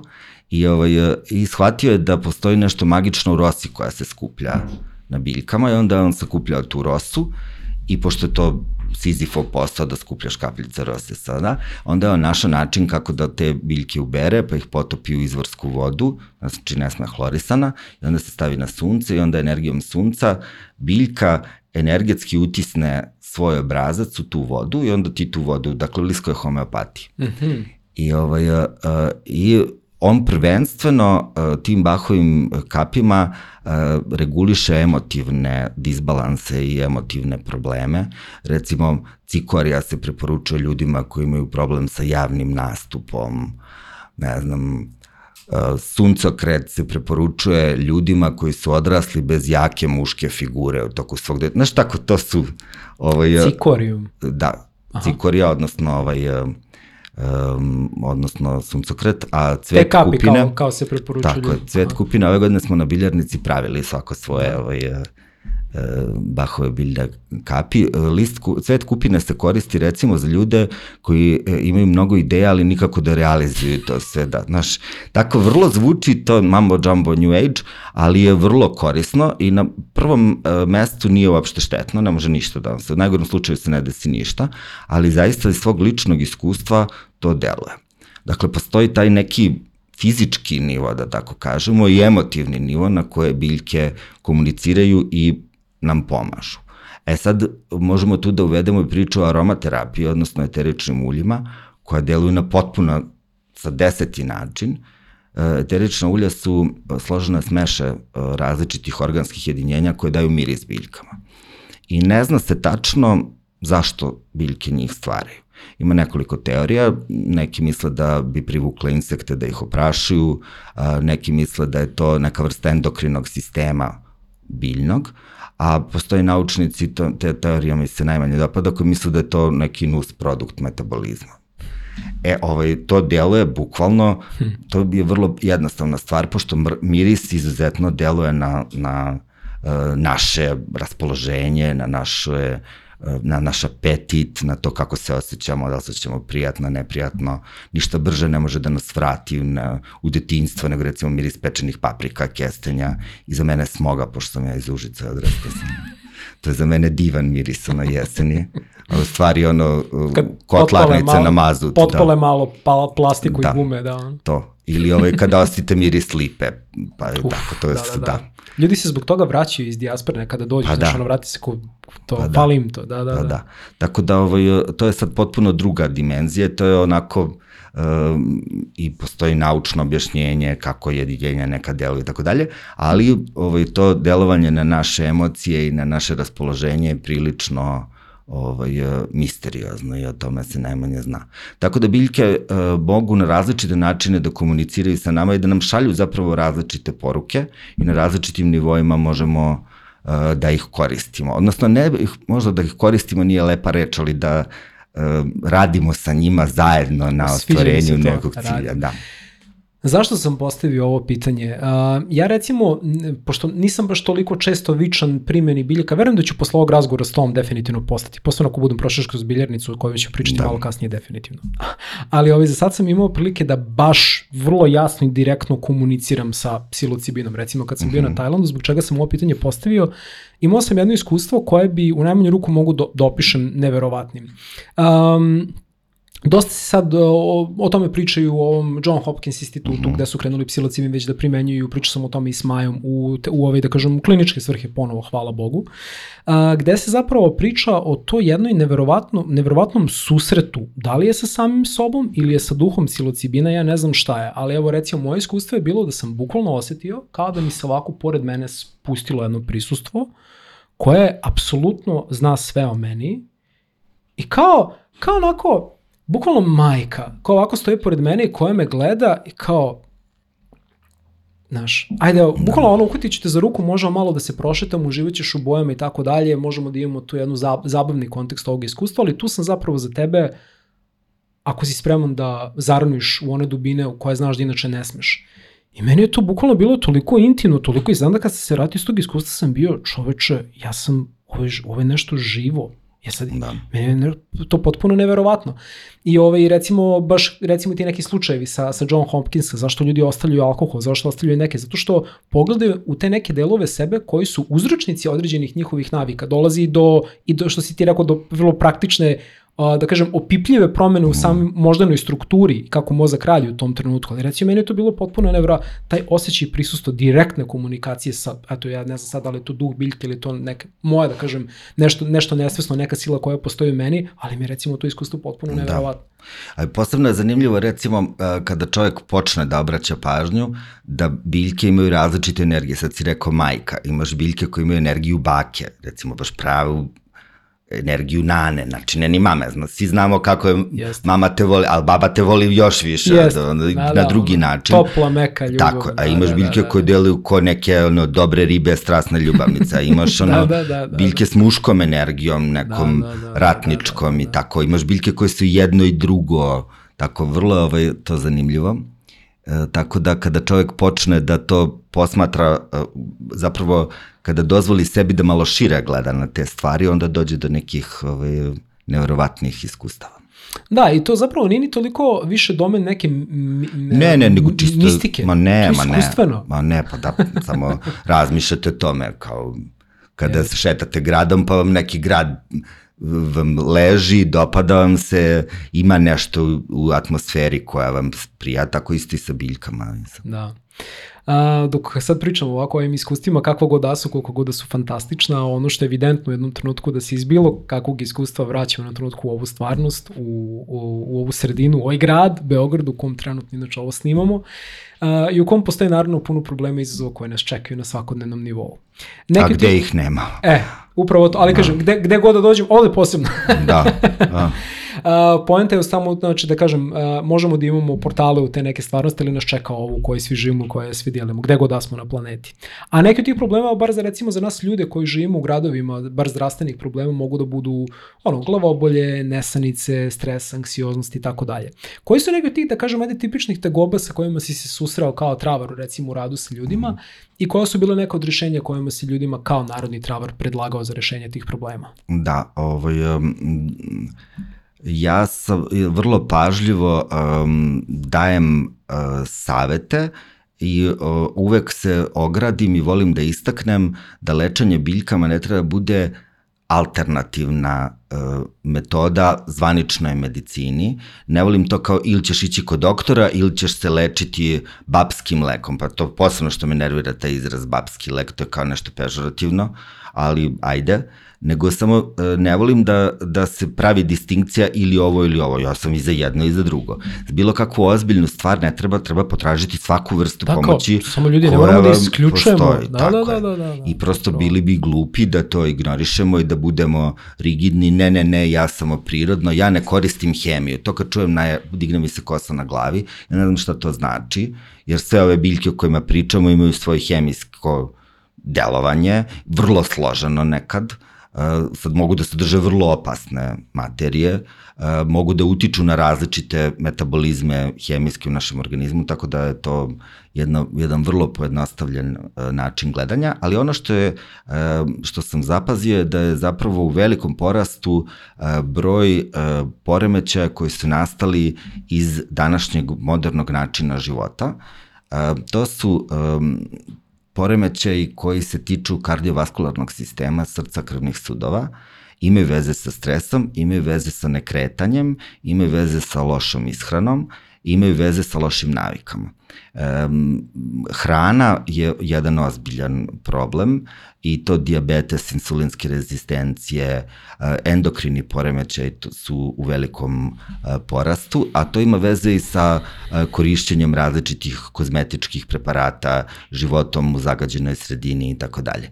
Vrlo često se javljaju ti poremećaj koje ja zovem zbunjenosti organizma, to bi negde bile neke autoimune bolesti, kao što su alergije, kao što je Hashimoto, gde zapravo naš organizam zbunjen i reaguje a, pogrešno, u pogrešno vreme, a, na, pogrešno, na pogrešan način i prema pogrešnom izazivaču.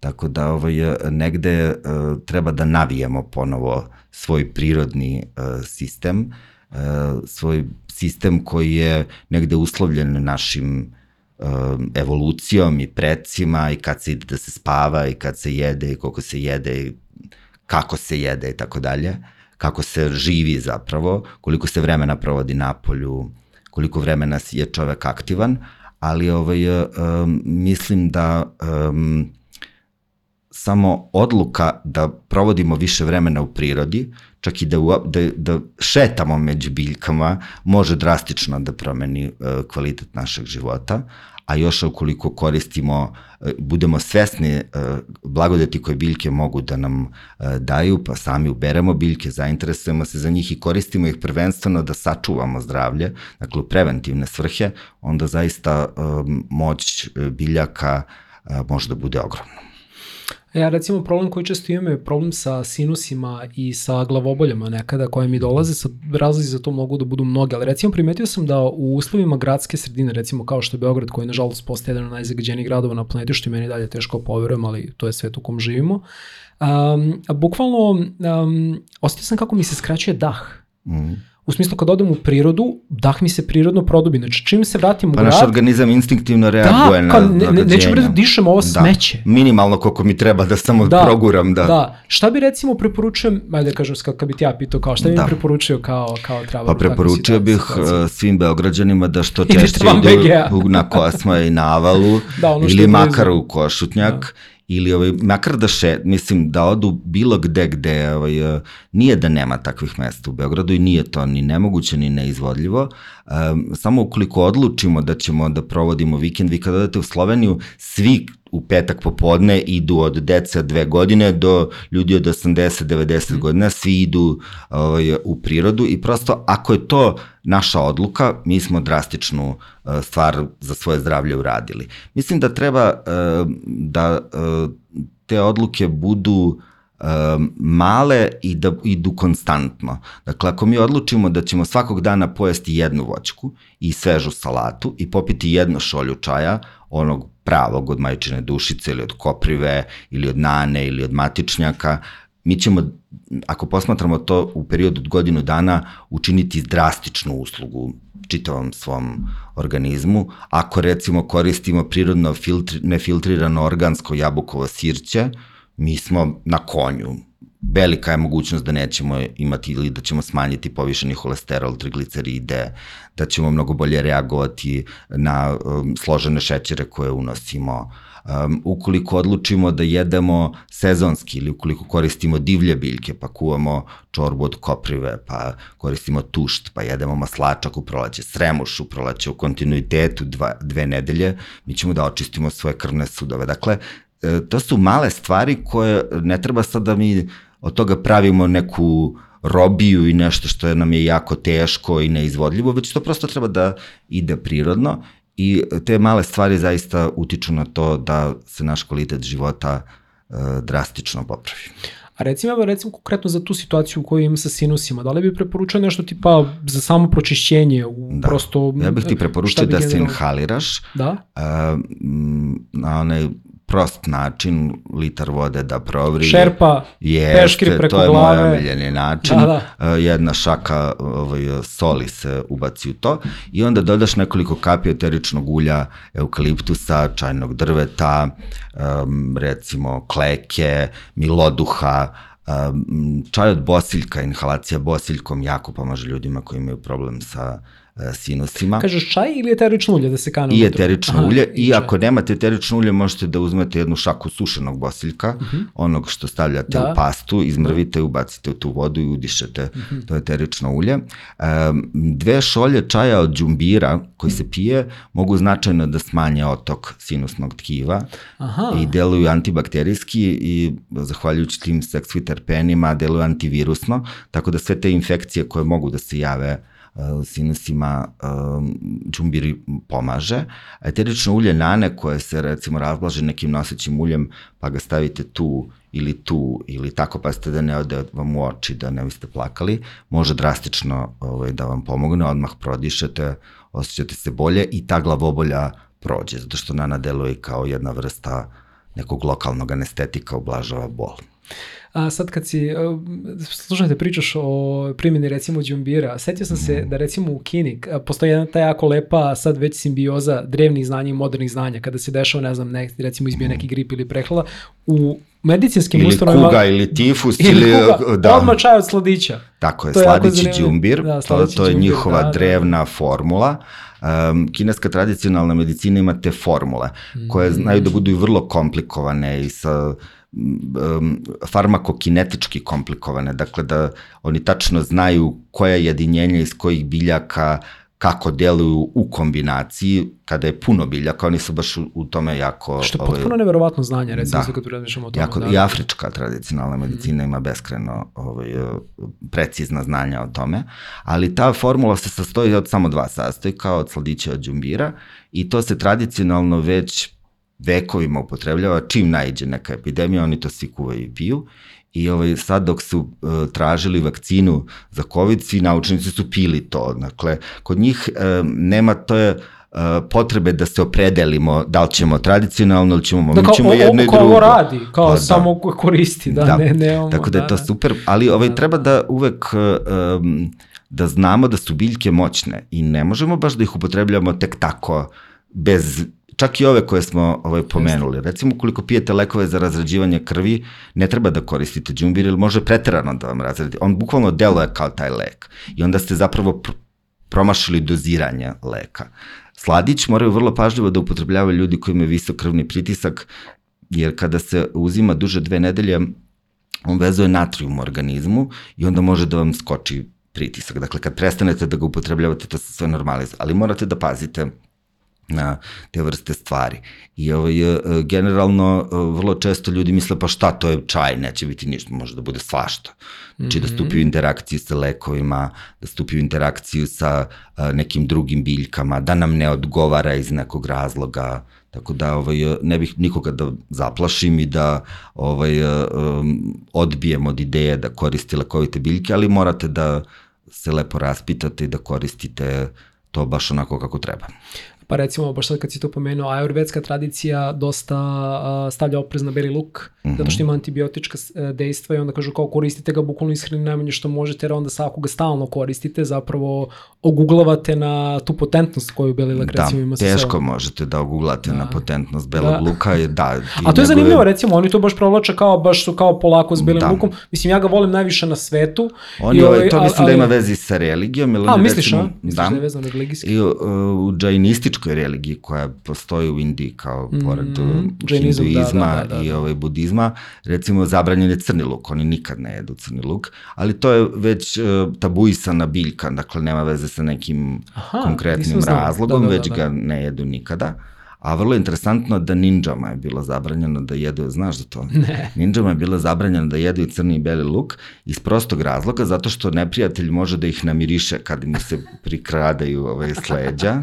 da, da, ne mogu da budu toliko da, prikriveni. nisu da. ovaj, prikriveni, a oni su imali, to je vrlo interesantno, nosili su sa sobom kapsule Da. e, koje su im pomagale e, da, znači mogu kada sede na drvetu i čekaju da dođe taj koga čekaju, mogu tri dana da budu na drvetu i pojedu jednu tu kapsulu koja se sastoji od, e, to je e, mleveno pirinčano brašno sa ribljom krvlju, e, zelenim čajem, a, sa nekim e, još biljkama, dodacima i to je zapravo jedan super suplement koji si sve si uneo što ti je neophodno.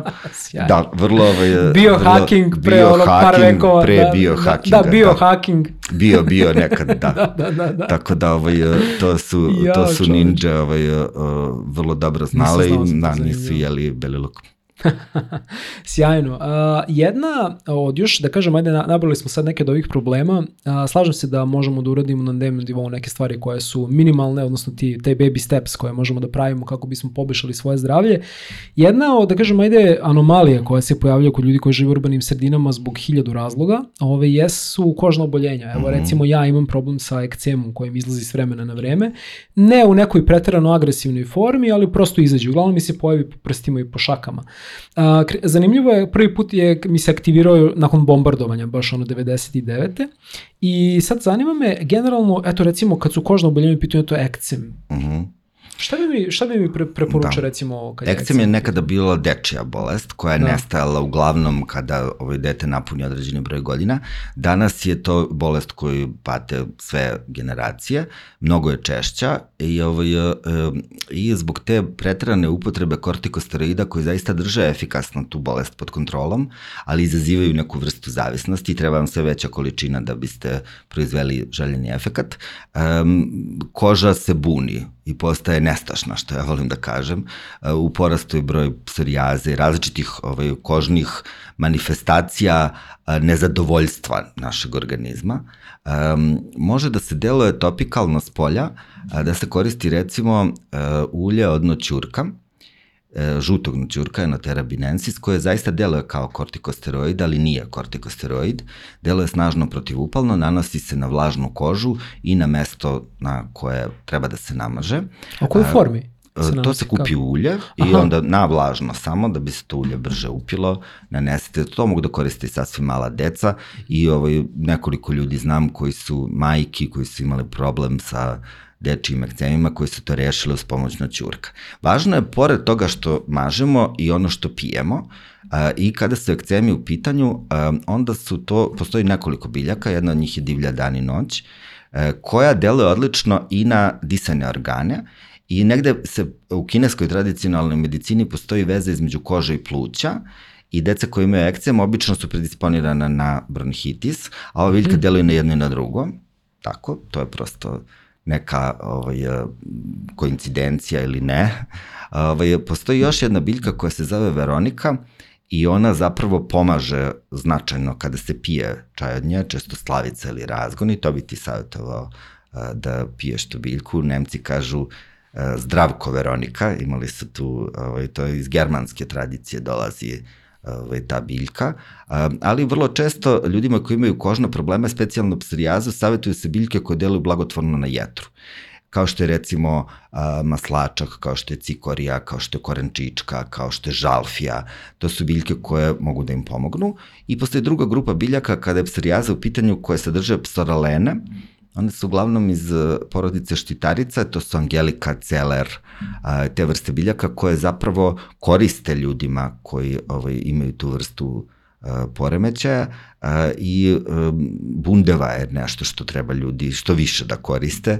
Pravi se jedan frape i ljudima koji imaju ovaj, tu vrstu problema se savjetuje da svakodnevno dva meseca iskoriste sad ovu sezonu i ovaj, jedu ili piju sokove frapeje od sveže ili pečene ili bundeve u bilo kom obliku, tako da...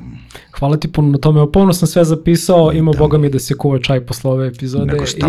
I, i Ali ne može jednom da se kuva čaj, mora da se pije bar mesec dana u naravno, kontinuitetu naravno, i pije ono... se da se to ne javi, dakle kada pije to se je, preventivno. Tako je, što kaže, ne možeš u raj bez pokajanja. Tako to je, da. to je to. Um, ima još jedna stvar koja je karakteristična, mislim, za ljude u gradovima zbog prosto stila i načina života, to je taj umor, taj jedan konstantan pad do kog može da dođe u toku dana. Recimo, ja sam neko ko ne pije kavu. Ne zato što sam deo neke misteriozne New Age agende i tako dalje, već zato što mi se jednostavno nikad nije dopao njen, go, njen gora kukus. Mm. Uh, krenuo sam nešto malo, uveo sam bio žuti, ove bože žuti, zeleni čaj i crni čaj. Međutim, imao sam utisak da ne dobijam to što čujem da ljudi dobiju od kafe. Šta bi mi ti generalno preporučao kao neki napitak, eto recimo kao čovjek koji ne pije, kao neka, ok, zamena za kafu, na da. primjer? Da. Um, I kafa i zeleni čaj i crni čaj sadrže kofein, dakle to je alkaloid koji je stimulans centralnog nervnog sistema i koji ne mora a priori da bude loš. Dakle, ukoliko mi pijemo jednu kafu na dan, to zapravo će značajno da smanji a, mogućnost da se razvije ne znam, demencija, Alzheimerova bole. Dakle, preventivno ako to ne preterujemo, to može da nam pomogne da budemo ovaj, budni i da ovaj, jel, naš centralni nervni sistem funkcioniše uh, bolje i tačnije, ali ukoliko nećemo da pijemo kofeinske napitke, recimo ruzmarin je idealna zamena, jer on takođe stimuliše centralni nervni sistem, razbuđuje, to je jedna biljka koja ovaj, može da, da pomogne. A kako se konzumira? E, kao čaj, skuvaš čaj od ruzmarina, to popiješ ujutru, Aha. on se pije kao ujutru. Kao svežeg ruzmarina ili e, E sad, to je još jedna stvar. Uglavnom, to je vrlo često pitanje, e, da li treba upotrebljavati sveže ili suve biljke. U većini slučajeva mogu da se upotrebljavaju i sveže i sušene biljke, s tim što ako upotrebljavate sveže biljke, duplirajte količinu, jer ima više vode, prosta je stvar. Postoje neke biljke koje mogu isključivo sveže da se upotrebljavaju, kao što je čuvarkuća koju, što, koju smo pomenuli, kao što je recimo aloja, kao što je debela koka, a, tušt, koja je jedna neverovatna biljka, najbolji prirodni izvor um, omega masnih kiselina koje su vrlo korisne za naš organizam, ali može da se jede samo svež. A postoje biljke, do duše nema ih mnogo, koje smeju samo suve da se koriste, ili čak odležale godinu dana, kao što je kora krušina, jer je potrebno da ona odstoji godinu dana da bi bila bezbedna i dobra za upotrebu. Ali generalno pravilo je da možemo da upotrebljavamo i sveže i suve biljke, samo ovo je količina ta koju treba uzeti u obzir. Napravit ću set storije, probat ću razne ove čajeve, pa ću ovaj, na, napravit, napravit ću da. jedan malo sto, story dnevnik, da vidimo ovaj kao ka, kako mi je koja od ovih čajeva delovao. Generalno, Zvuči kao neki challenge da Pa da, e, nana je super biljka da. za um, buđenje, stimulaciju, ona ne smiruje, obično se misli kao nana, to nije tačno. Uh, ona baš pojačava fokus, koncentraciju, ona može smiri stomak koji je mm. nadražen, ali ovaj, na naš nervni sistem deluje stimulativno i zato je super da se koristi u jutarnjim ovaj, časovima, a recimo matičnjak, lipa, to su čajevi koje je bolje piti uveče, kamilica, jer oni deluju smirujuće, opuštajuće, relaksiraju i tako probat ću definitivno sve od toga. I imam još jednu temu koju ne mogu isto da ne pomenem, nekako kada uh, Kada pričamo o izazovima koje imamo u gradovima, jel, evo, polako sad ulazimo u grejnu sezonu, evo, mi smo u centru Beograda i kako krene se grejna sezona zbog ono, svega što ljudi lože i generalno zbog ove situacije kakve imamo, za, mislim, vazduh postaje užasno zagađen. Um, I prosto to je situacija u kakvoj živimo. Da, trenutno. vazduh postaje zagađen iz raznih razloga. Ali da. Nije nam uopšte to ni jasno iz kojih I sve to, razloga. I to, bo, Boga da. piti zbog kojih mm. sve razloga. Kad se malo dublje uđe u to, shvatiš koliko ne znaš. Da, ove, šta, šta si otkrio u vezi toga i koje rešenje bi potencijalno predložio za to činjenično stanje u koje smo se svi nažalost našli? Pa prvo kada ste u kući u kojoj imate centralno grejanje, važno je da bude vlažnost vazduha dobra, specijalno koliko imate kožne probleme ili respiratorne probleme i zato su ovi ispirivači ili ovlaživači vazduha vrlo korisni. Ne može ono da stavite šerpicu na radijator, to ne radi ništa, nego ovo imate isparivač, napunite ga vodom, on se zagreva, voda isparava, tu dodate nekoliko kapi svog omiljenog eteričnog ulja, onda uh, ono lepo miriše, pa vam ne treba veštački osveživač vazduha i one sveće koje su takođe jedan, ovaj, uopšte nisu ovaj, dobra stvar ukoliko su sintetičke i s veštačkim mirisima. Um, dakle, dezinfikovali ste prostor, on lepo miriše, povećali ste koncentraciju negativnih iona u vazduhu, utičete na svoje raspoloženje. Ja savjetujem eukaliptus, nekoliko kapija eukaliptusa može da ubije streptokoke u prostoriji od 20 A, kvadrata, stavno. tako da je to vrlo korisna stvar. Opa. I kada se vratite kući e, zimi, e, nakon što ste boravili e, u nekim prostorijama gde je bilo puno ljudi, a u vremenu kada su česte respiratorne infekcije, dobro je da se inhalirate i da očistite i svoje gornje disajne puteve, ne samo da perete ruke, već da isperete i nos i da dezinfikujete svoje gornje disajne puteve, jer na taj način ćete da predupredite um, razvoj infekcije. I ovo je posebno dobro i za decu školsku, jer ja mislim da deca nikad više nisu bila bolesna nego sada. Da, da, da. da. Ja I to je postalo kao neka nova normalnost, kao da, kako ti dete pa bolesno. Neki da. starac foče od stotinu ljeta, ali deca se svaki sedam dana ne ide yes. u školu. Ja mislim da jednom sam bio bolestan tokom da, da. svog školovanja. Da, da, da, ali ne da, samo da. ja, nego prosto da je bilo to nekako drugačije. Sa čim to ima veze, ne znam. Ali ovaj, prosto to danas postalo često. I zbog toga e, još jednom da ukažem na važnost e, e, upotrebe biljaka u preventivne svrhe, jer tu one mogu da pokažu svoju najveću moć. Ah, momčaro, toliko tema smo otvorili, ovaj, ja tek imam utisak da smo zagrebali po površini te jedna ogromne riznice mudrosti koja se jel, naziva travarstvo. Ali eto, da. ti si organizovao školu poznavanja biljaka mm. koja si nazvao biljarnica, gde uvodiš sve zainteresovane malo dublje u ta znanja, te jedne drevne prakse. Um, kako je si generalno koncipirao tu školu? Kada, je, kada, kada si uopšte odlučio da je pokreneš i kome da. si je sve namenio? Ovo, ovaj, škola je um, napravljena pre nekoliko godina, osmišljena, uh, jer sam zaista imao potrebu da pomognem svi ljudima, svim ljudima koji su imali istu želju kao ja nekada, da dobiju jedno sistematično dobro znanje u zajednici ljudi sa sličnim interesovanjima, a da to znanje posle mogu relativno lako da iskoriste i da mogu već posle toga da čine neke vrlo konkretne stvari u, za poboljšanje svog života, svog zdravlja i zdravlja svojih bližnjih. Um, dakle, ne bavimo se tu nikakvim, um, kako da kažem, ne dobijete diplomu da možete da lečite ljude, već je prosto to prvenstveno formulisano za ljude koji žele da nauče nešto o biljkama. Um, ona se sastoji iz predavanja koja nisu klasična ekskatedra predavanja, dešavaju se na mirisnom, divnom vrtu, vrlo su praktična, ljudi uče kako se biljke beru, kako one treba da izgledaju, kako se suše, kako se prave melemi, kako se prave tinkture i idemo onda na izlete e, da vidimo gde biljke to rastu i kako se one sakupljaju, kako izgleda njihovo prirodno stanište. Um, postoji biljarnica online za sve ljude koji um, nisu u mogućnosti da je uživo pohađaju i organizujemo je obično u novembru i decembru kada nema vegetacije, eh, jer je to dobar način da se spremite za proleće i da onda kad krene sremuš i ogorčevina da odmah znate šta treba da berete i kako da ga berete.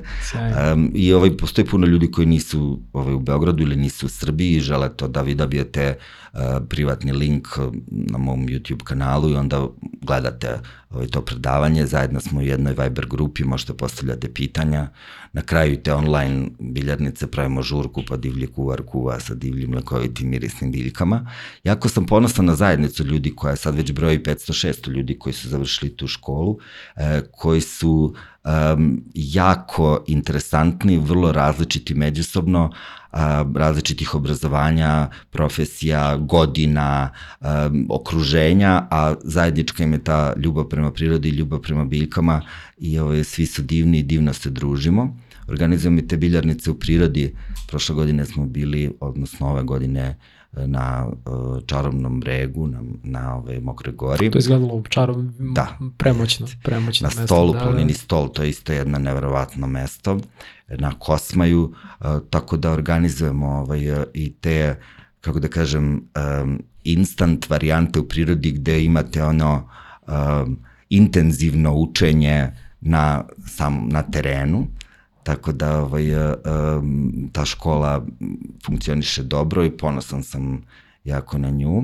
E, ove godine će da izađe, ja se nadam da ovaj, svima to pričam da bi sebe naterao da to završim, ove godine bi trebalo da izađe i moja knjiga Narodni travar, e, koja će biti moja treća knjiga, ali prva koja se bavi baš samo lekovitim biljkama. Prva je bila zbirka putopisa, kako sam postao putnik i prestao da budem turista, druga je divlji kuvar, koja jel, ima veze sa lekovitim mirisnim divljim biljkama, ali je kuvar. Ova će baš biti ovaj, uh, o, o tome kako se lekovite biljke koriste i za šta sve one služe, kako treba pravilno da ih upotrebljavamo. Tako da ovaj, uh, se radujem i tome. Boga mi ja, sad kad sam da. čuo sve ovo. Možda možemo napravimo neki lep insert kada bude Stikao sam se za naslovnu stranu, to je glavno. ovaj, tako da sad moram da, da ovaj, završim knjigu. Šalim se, veliki deo ovaj, toga je napisan i urađen, ali bih voleo da nakon 30 godina bavljenja uh, ovom tematikom i pročitanog svega, ja mislim, što je objavljeno na srpskom i mnogo toga na engleskom, uh, da napravim jednu knjigu koja mislim da će biti baš korisna i dobra i da bude prava mera stručnog znanja koje je napisano jezikom koje može da razume i neko ko nije specijalista farmakognozije. Fantastično čoveče, hvala ti puno na svemu tome i na svemu što radiš. Hvala i tebi ovaj, na ovome što ti radiš i veliko mi je zadovoljstvo i čast što sam ovaj, bio uh, gost i putnik na kosmičkom putovanju. Hvala ti, hvala ti što si se još jednom pojavio, što smo da. ovu, ovu epizodu snimili evo u roku nemoj da me, dana. Nemoj da, ovaj, da nastavimo ovu temu, doći ću i sutra. može. da, da, šalim se. Ali ne, može sledeći put da bude kad se budemo recimo izbacila ta knjiga, pa napravimo neki insert o tome ili tako može, nešto. To bi može. bilo sjajno.